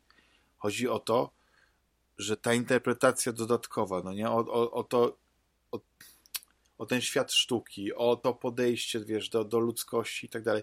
Wiesz, ta interpretacja każda może mieć. No właśnie nie wiesz, każda. Nie, no ja się nie do końca jest... z Tobą zgodzę, bo ja mam cały czas wrażenie, że jak rozmawiamy o interpretacji, to Ty chcesz mi powiedzieć, no. tak jak przed chwilą powiedziałeś, że my możemy powiedzieć, że to są podróżnicy w czasie i tak dalej. To ja się z tym nie zgadzam, bo interpretacja nie polega na tym, że Ty opowiadasz o tej grze i na koniec dnia mówisz, yy, to jest tak naprawdę brat alfa i, ta, i podajesz coś totalnie od czapy. W interpretacji patrzysz na tropy, które podrzuca ci twórca. I te tropy o, o diabłach, o wampirach, o yy, pakcie z diabłem, to wszystko jest w tej grze. Bo jednak przyjęcie duszy aktorki i uczynienie z niej wielkiej aktorki no to są pewne znaki, które ci daje twórca tej gry, czy twórca filmu, które ty możesz już coś z nimi zrobić, możesz je już jakoś odczytać. Nie możesz ich odczytać, a bo to chodzi o to, że to jest e, M jak miłość. Nie, bo tam nie ma M jak miłość, tylko tam jest jakaś interpretacja, którą możesz z tego wyciągnąć, ale w no tak, interpretacji ale to, nie chodzi że, o to, że, że jak masz że pewne rzeczy, które masz jako fakty przedstawione. Wiesz, co chodzi mi już? Że pewne rzeczy masz jako fakty przedstawione. Ja nie do końca jestem e, pewny, czy E, Ale w Bo to też można było powiedzieć, że w pewnym, na są... pewnym etapie można powiedzieć, że, że, że, że te istoty, że ta, ta, ta, ta główna istota jest pewną muzą. I ta muza dla tego pierwszego reżysera Ambrosi, no nie, e, nie wiem, czy on wtedy wiedział, e, kim ona jest, jak to się potoczyło, ale jest coś takiego, że w pewnym momencie ona opowiada, że ona jakby została przekazana temu Johnowi i że wtedy ona pracowała z nim, jakby, wiesz, to, to przekazanie muzy jest taka... No okej, okay, no ale to wiesz, jak, był, to odczytasz, jak to e, Jeden z odcinków Sandmana, nie wiem, czy widziałeś ten serial Sandmana. Nie, nie widziałem, tam, był, ale... tam była taka fantastyczna e, historia, e, jedna z takich właśnie bardziej szkatułkowych powieści, jak był jeden chyba pisarz i miał muzę, ale taką, wiesz, tą, tą grecką muzę zamkniętą, uwięzioną, którą on tam trzymał. I on później tą muzę przekazał innemu i ten drugi po prostu był zdesperowany, żeby ta muza dała mu inspirację, a ona była na niego zła, bo nie chce No widzisz, wiesz, już w e, taki bardzo fajny sposób połączyłeś, brawo, piątka z plusem, połączyłeś dwa dzieła No, ale wiesz, mi to, że po prostu, od... że, że to jest, że, że ona może funkcjonować jako muza, tylko, że też ta fascynacja ludzkością i, nie wiem, może tym filmem, tym, e, tym, tym medium przekazywania historii, tym właśnie utrwalania nieśmiertelności na inny sposób, bo dla, dla, dla tych nieśmiertelnych istot, wiesz, no film w, w, w kontekście ich całego istnienia to być może jest coś nowego, nie? Wiesz, jak oni żyją dziesiątki tysięcy lat, to, to film jest y, takim ułamkiem ich życia i to jest ta fascynacja i na przykład fascynacja, którą podzielała jedna, nie, The One, ale nie podzielała tak, ale jej, znowu, no to jest y, właśnie takie bardzo, bardzo y, konkretne rozmawianie o o tym, że to są konkretne istoty, że, że, że to chodzi o te konkretne istoty, a ja, a ja bym No bo ja to tak uciekał. widzę, znaczy, ja to okay, widzę, no to, to są konkretne istoty, słuchaj, no, które mają ci, konkretne... Nikt ci nie zabroni i nikt nikomu tak naprawdę nie zabroni interpretować czy patrzeć na dane dzieło w taki sposób, w jaki, jaki ktoś chce, czy, czy, czy to, co gdzieś tam w nim rezonuje. No ja patrzę na to trochę inaczej niż ty, ty patrzysz na to, ty, się do, ty raczej się koncentrujesz na tych konkretach, które gdzieś są, a ja szukam tego wszystkiego, co jest nieoświetlone, co jest gdzieś e, e, między słowami. No i tyle. No nie, jakby moim celem nie jest powiedzenie ci, że ty robisz źle, wręcz przeciwnie. Jakby szukaj dalej i, i szukaj swoich, swoich odpowiedzi na te znaczy na pewno wiesz co jest, pytania, jest warto no. przy takiej interpretacji takiej nie zajmującej się tym e, kim są te istoty, skąd się wzięły, jaka jest ich motywacja, jest to, że że te filmy, które są przedstawione, te historie, one przecież są też takim komentarzem do tych, do tych istot, nie? Tak jak powiedziałeś, tam gdzieś pakt diabła, no nie, wiesz, to, to o, o, o, o tym, że nawet e, najbardziej czystą osobę może, e, można skorumpować. Nie? No tak, no, ale ja bym tak, dlatego powiedział, że za wielką nie? sztuką generalnie, tak jak Faust, no, za wielką sztuką stoi zawsze jakaś forma paktu y, z diabłem, z, tak. z demonami, z, z mocami piekielnymi. No, ale za, wiesz, chodzi każdą... o to, że te, te, te, filmy tak interpretują, wiesz, tam ta kwestia tych, tych masek na przykład w Mińsku, no nie, i tego od tego kopiowania, no nie? Albo utrwalania na tych obrazach. Chociaż te obrazy to mi się tak śmieszne podobało, bo to, nie, nie, to nawet nie był Picasso mhm. wczesny. No ale to jest, wiesz, to, to ale... okej, okay, no ale to mówię, no to jest kwestia jakiegoś, yy, że tak powiem, punktu wyjścia, bo teraz tak, wiesz, no, ja nie wiem, czy mamy na to czas i, i na no, pewno nie mamy na to czas. Nie, no ale, możemy podsumowywać, bo mamy naprawdę jest, długi podcast. Że to jest kwestia tak naprawdę yy, wiesz, w ogóle w, w, dekonstrukcji literackiej, czy, czy filmowej, czy generalnie kulturowej, no jakby wy, zaczynasz od zidentyfikowania pewnych tropów i zaczynasz zastanawiać się i patrzeć na to, gdzie to możecie zaprowadzić, tak? Niektóre ścieżki okazują się ścieżkami, yy, które prowadzą na manowce, inne ścieżki stają, prowadzą do ciekawych interpretacji, ciekawych wniosków. To jest właśnie, yy, znowu, no ja to powtórzę jak zdarta płyta, co zawsze mówię na, na wielu naszych podcastach, że to jest właśnie potęga humanizmu, potęga humanistyki generalnie i tym się nauki humanistyczne różnią od matematyki, że nie ma czegoś takiego, że jest jedna odpowiedź na to, co autor miał na myśli. W ogóle pytanie, co autor miał na myśli, to jest najdurniejsze pytanie, jakie ktokolwiek może zadać, tak? Bo to, bo to wszystko zależy tak naprawdę od, od tego, kto to czyta. Bo autor może mieć nic na myśli, nie mieć na myśli, a, to nie ma znaczenia. interpretacja może być przebogata. A to nie ma tak? żadnego znaczenia, bo to wszystko zależy od tego, kto, naprawdę, kto tak naprawdę na to dzieło patrzy i nawet w ogóle widzisz z perspektywy też czasu, że na różne dzieła i to historia kultury, historia kultury też to, historia kultury też to pokazuje wiele razy, na różne dzieła w różnych epokach patrzono w różny sposób. I, I, recepcja dzieł i kultury zmienia się w zależności od e, rzeczywistości, w której tak. przyszło żyć tym interpretatorom. I są przecież znani y, twórcy, artyści, którzy, którzy za życia umierali jako nędzarze, uznawani za szaleńców, idiotów, a w późniejszych latach byli wynoszeni do rangi y, wybitnych twórców i tak dalej, tak? No bo zmieniały się, zmieniały się, zmieniało się otoczenie, zmieniały się y, gusta, smaki, zmieniała się wrażliwość, estetyka i tak dalej i, i to wszystko powodowało, że się inaczej patrzyło. No mój ulubiony przykład, taki popkulturowy, to są filmy Barei gdzie każde pokolenie odbiera te filmy inaczej. I tak, e, dla, dla kogoś, kto oglądał te filmy wtedy, to mogło być taka satyra na to, ten, ale, ale była dosyć jasna. Oni wiedzieli, do czego nawiązują te aluzje i tak dalej.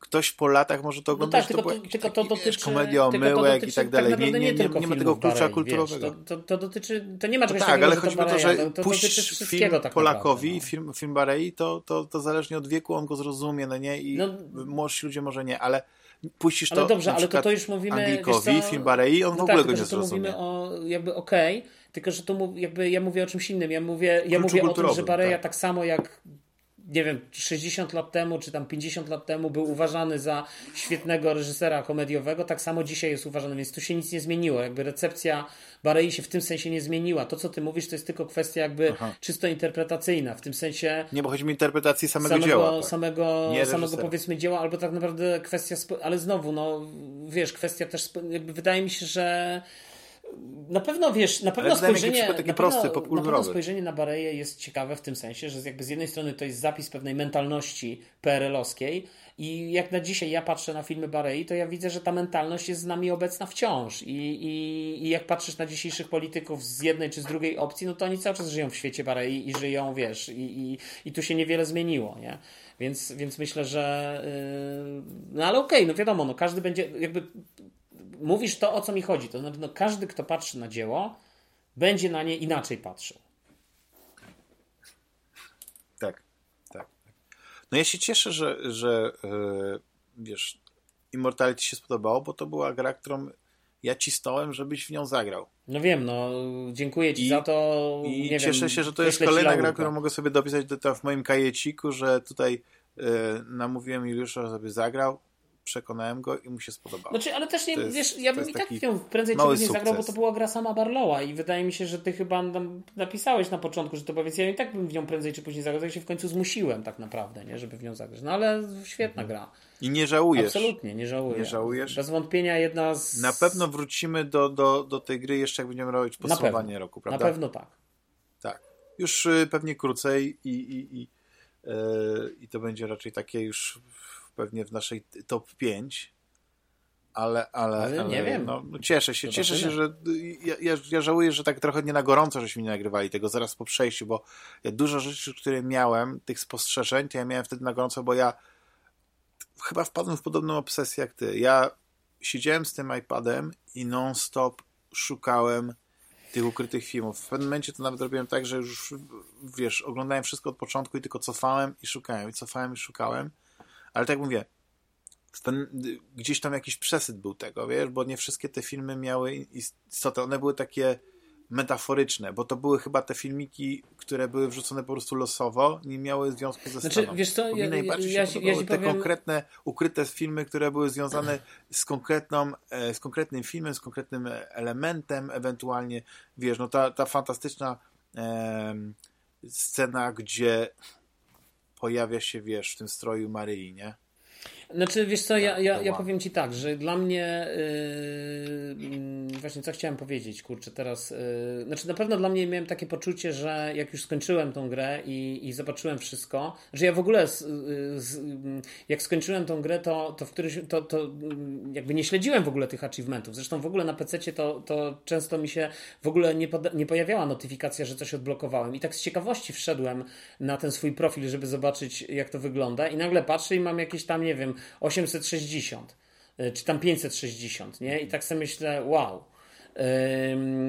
I wiesz, i, i, i tak naprawdę jak już skończyłem tą, tą historię, to potem zacząłem, y, tak jak mówisz, tak obsesyjnie trochę grać, ale z drugiej strony też y, miałem, jak już wszystko odblokowałem i tak dalej, to miałem takie wrażenie jakiejś trochę pustki, że jednak ten czas spędzony z tą grą był tak fascynujący, że w momencie jak się skończył, to czegoś mi brakowało i, i miałem wrażenie, że to jest rzeczywiście jakieś zupełnie niepowtarzalne i niezwykłe yy, doświadczenie, yy, które dane mi było yy, przeżyć. I no i ewidentnie, no, no, świetna gra, świetna gra, no ciężko, ciężko mi jest, nie chcę spoilować, nie chcę powiedzieć, bo ja i tak ułożę tylko dziesiątkę gier, 2022 mhm. roku. E, nie chcę spoilować, czy ta gra się w tej... Ja nawet nie wiem, czy będę miał 10, wiesz. Chociaż w dużo gier zagrałem. Znaczy ja, ja w tej chwili już zacząłem e, z tej dziesiątki wywalać roz, gry. Rozbiły. Nie wiem, czy wiesz, bo ja sobie tak na bieżąco śledzę, w co zagrałem i tak dalej, więc ja zacząłem już Aha. wywalać, więc jakby ja na pewno będę w troszeczkę innej i bardziej komfortowej sytuacji niż w zeszłym roku, gdzie tak naprawdę zagrałem za mało gier. E, w tym roku zdecydowanie nie mam problemu z tym, mam dużo gier, w które zagrałem i, i myślę, że spokojnie dziesiątkę ułożę. Natomiast ja już zacząłem z tej dziesiątki wywalać niektóre tytuły, które wydawały mi się pewniakami do dziesiątki. Natomiast nie chcę spoilować, nie chcę mówić, e, bo... No nie, no ja pamiętam, że w tym roku chyba Sifu wyszło, które jest na pewno wysoko. Znaczy ja się w ogóle dziwię, że ty jeszcze nie zagrałeś Sifu. To jest dla mnie też taka ciekawostka za dużo gier. No ale nie, no grasz w taki szrot jak Kalisto Protocol, a nie zagrałeś w Sifu, to wydaje mi się trochę słabe. No przepraszam, że tak podsumowałem no. Kalisto Protocol, o którym tak pięknie i kwieciście mówiłeś przez tam 40 nie, minut. Nie, nie, nie. Ja, ja się nie obrażam, bo ja nie będę bronił e, Kalisto Protocol, bo Kalisto nie jest najwybitniejszą grą, jaką Ja rozumiem, ale wiesz, ale, ale w dalszym ciągu moim warta. zdaniem to jest gra, którą spokojnie mogłeś poczekać, aż trafi do PS Plusa czy Game Passa i, i sobie zagrać, e, że tak powiem, za jakiś czas. E, na pewno dla mnie nie, nie byłaby to gra do zagrania, wiesz, day one czy, czy, czy, czy, czy na premierę. No wiesz co, czasami odkładanie niektórych gier to tak jest, że później... No właśnie tak jest Sifu, ja, ja widzę tak u mam, Ciebie. No, że właśnie dokładnie masz rację. Może rzutem na taśmie, nie wiesz, przed 31 września, e, grudnia jeszcze mi się uda. No, no ale nic już, musimy, musimy kiedyś kończyć. Mam nadzieję, że długość Ci odpowiada. No i tak to podzielisz. Następnym razem musimy się wcześniej. Nie wiem jaka długość i czego, ale załóżmy, że tak. Natomiast pytanie jest, y, pytanie jest innej natury. Nie długość się liczy, a No więc właśnie, a poza tym druga więc kwestia jest taka, że i tak słowny. to jakoś potniesz, bo wydaje mi się, że zrobisz z tego dwa podcasty. Co no nie, nie, nie. Zdecydowanie, zdecydowanie nawet jeśli potnę, to i tak to wyjdzie jeden z dłuższych no, odcinków, najdłuższych. No nie, no ja żartuję. Bo generalnie uważam, no, że... jest okej. Okay. No, Jezu, cztery tak godziny. Tak wiem, ale no, no, no, wiesz, to zapytaj żony, czy ona nie żartuje ale to jest... E, nie, no powycinaj też żenujące żarty rodem z lodów na patyku 2. No ale mnie śmieszy. Ja wiem, że Dzięki już za, za fantastyczną e, dyskusję i, i jak zwykle e, mam nadzieję, że jeszcze się podzielimy łopat, łopateczkiem no. przed tym, że jeszcze się przed Wigiliem albo przed Nowym Rokiem uda sklecić odcinek, Oby. więc jeszcze nie, nie, nie życzę Ci wesołych świąt i, i, i szczęśliwego Nowego Roku. Na to przyjdzie czas. No to co? No to trzymaj się. Trzymajcie się. I do Trzymajcie usłyszenia. się, dzięki za zaproszenie. No, Trzymajcie cześć, się i cześć. Hej, hej.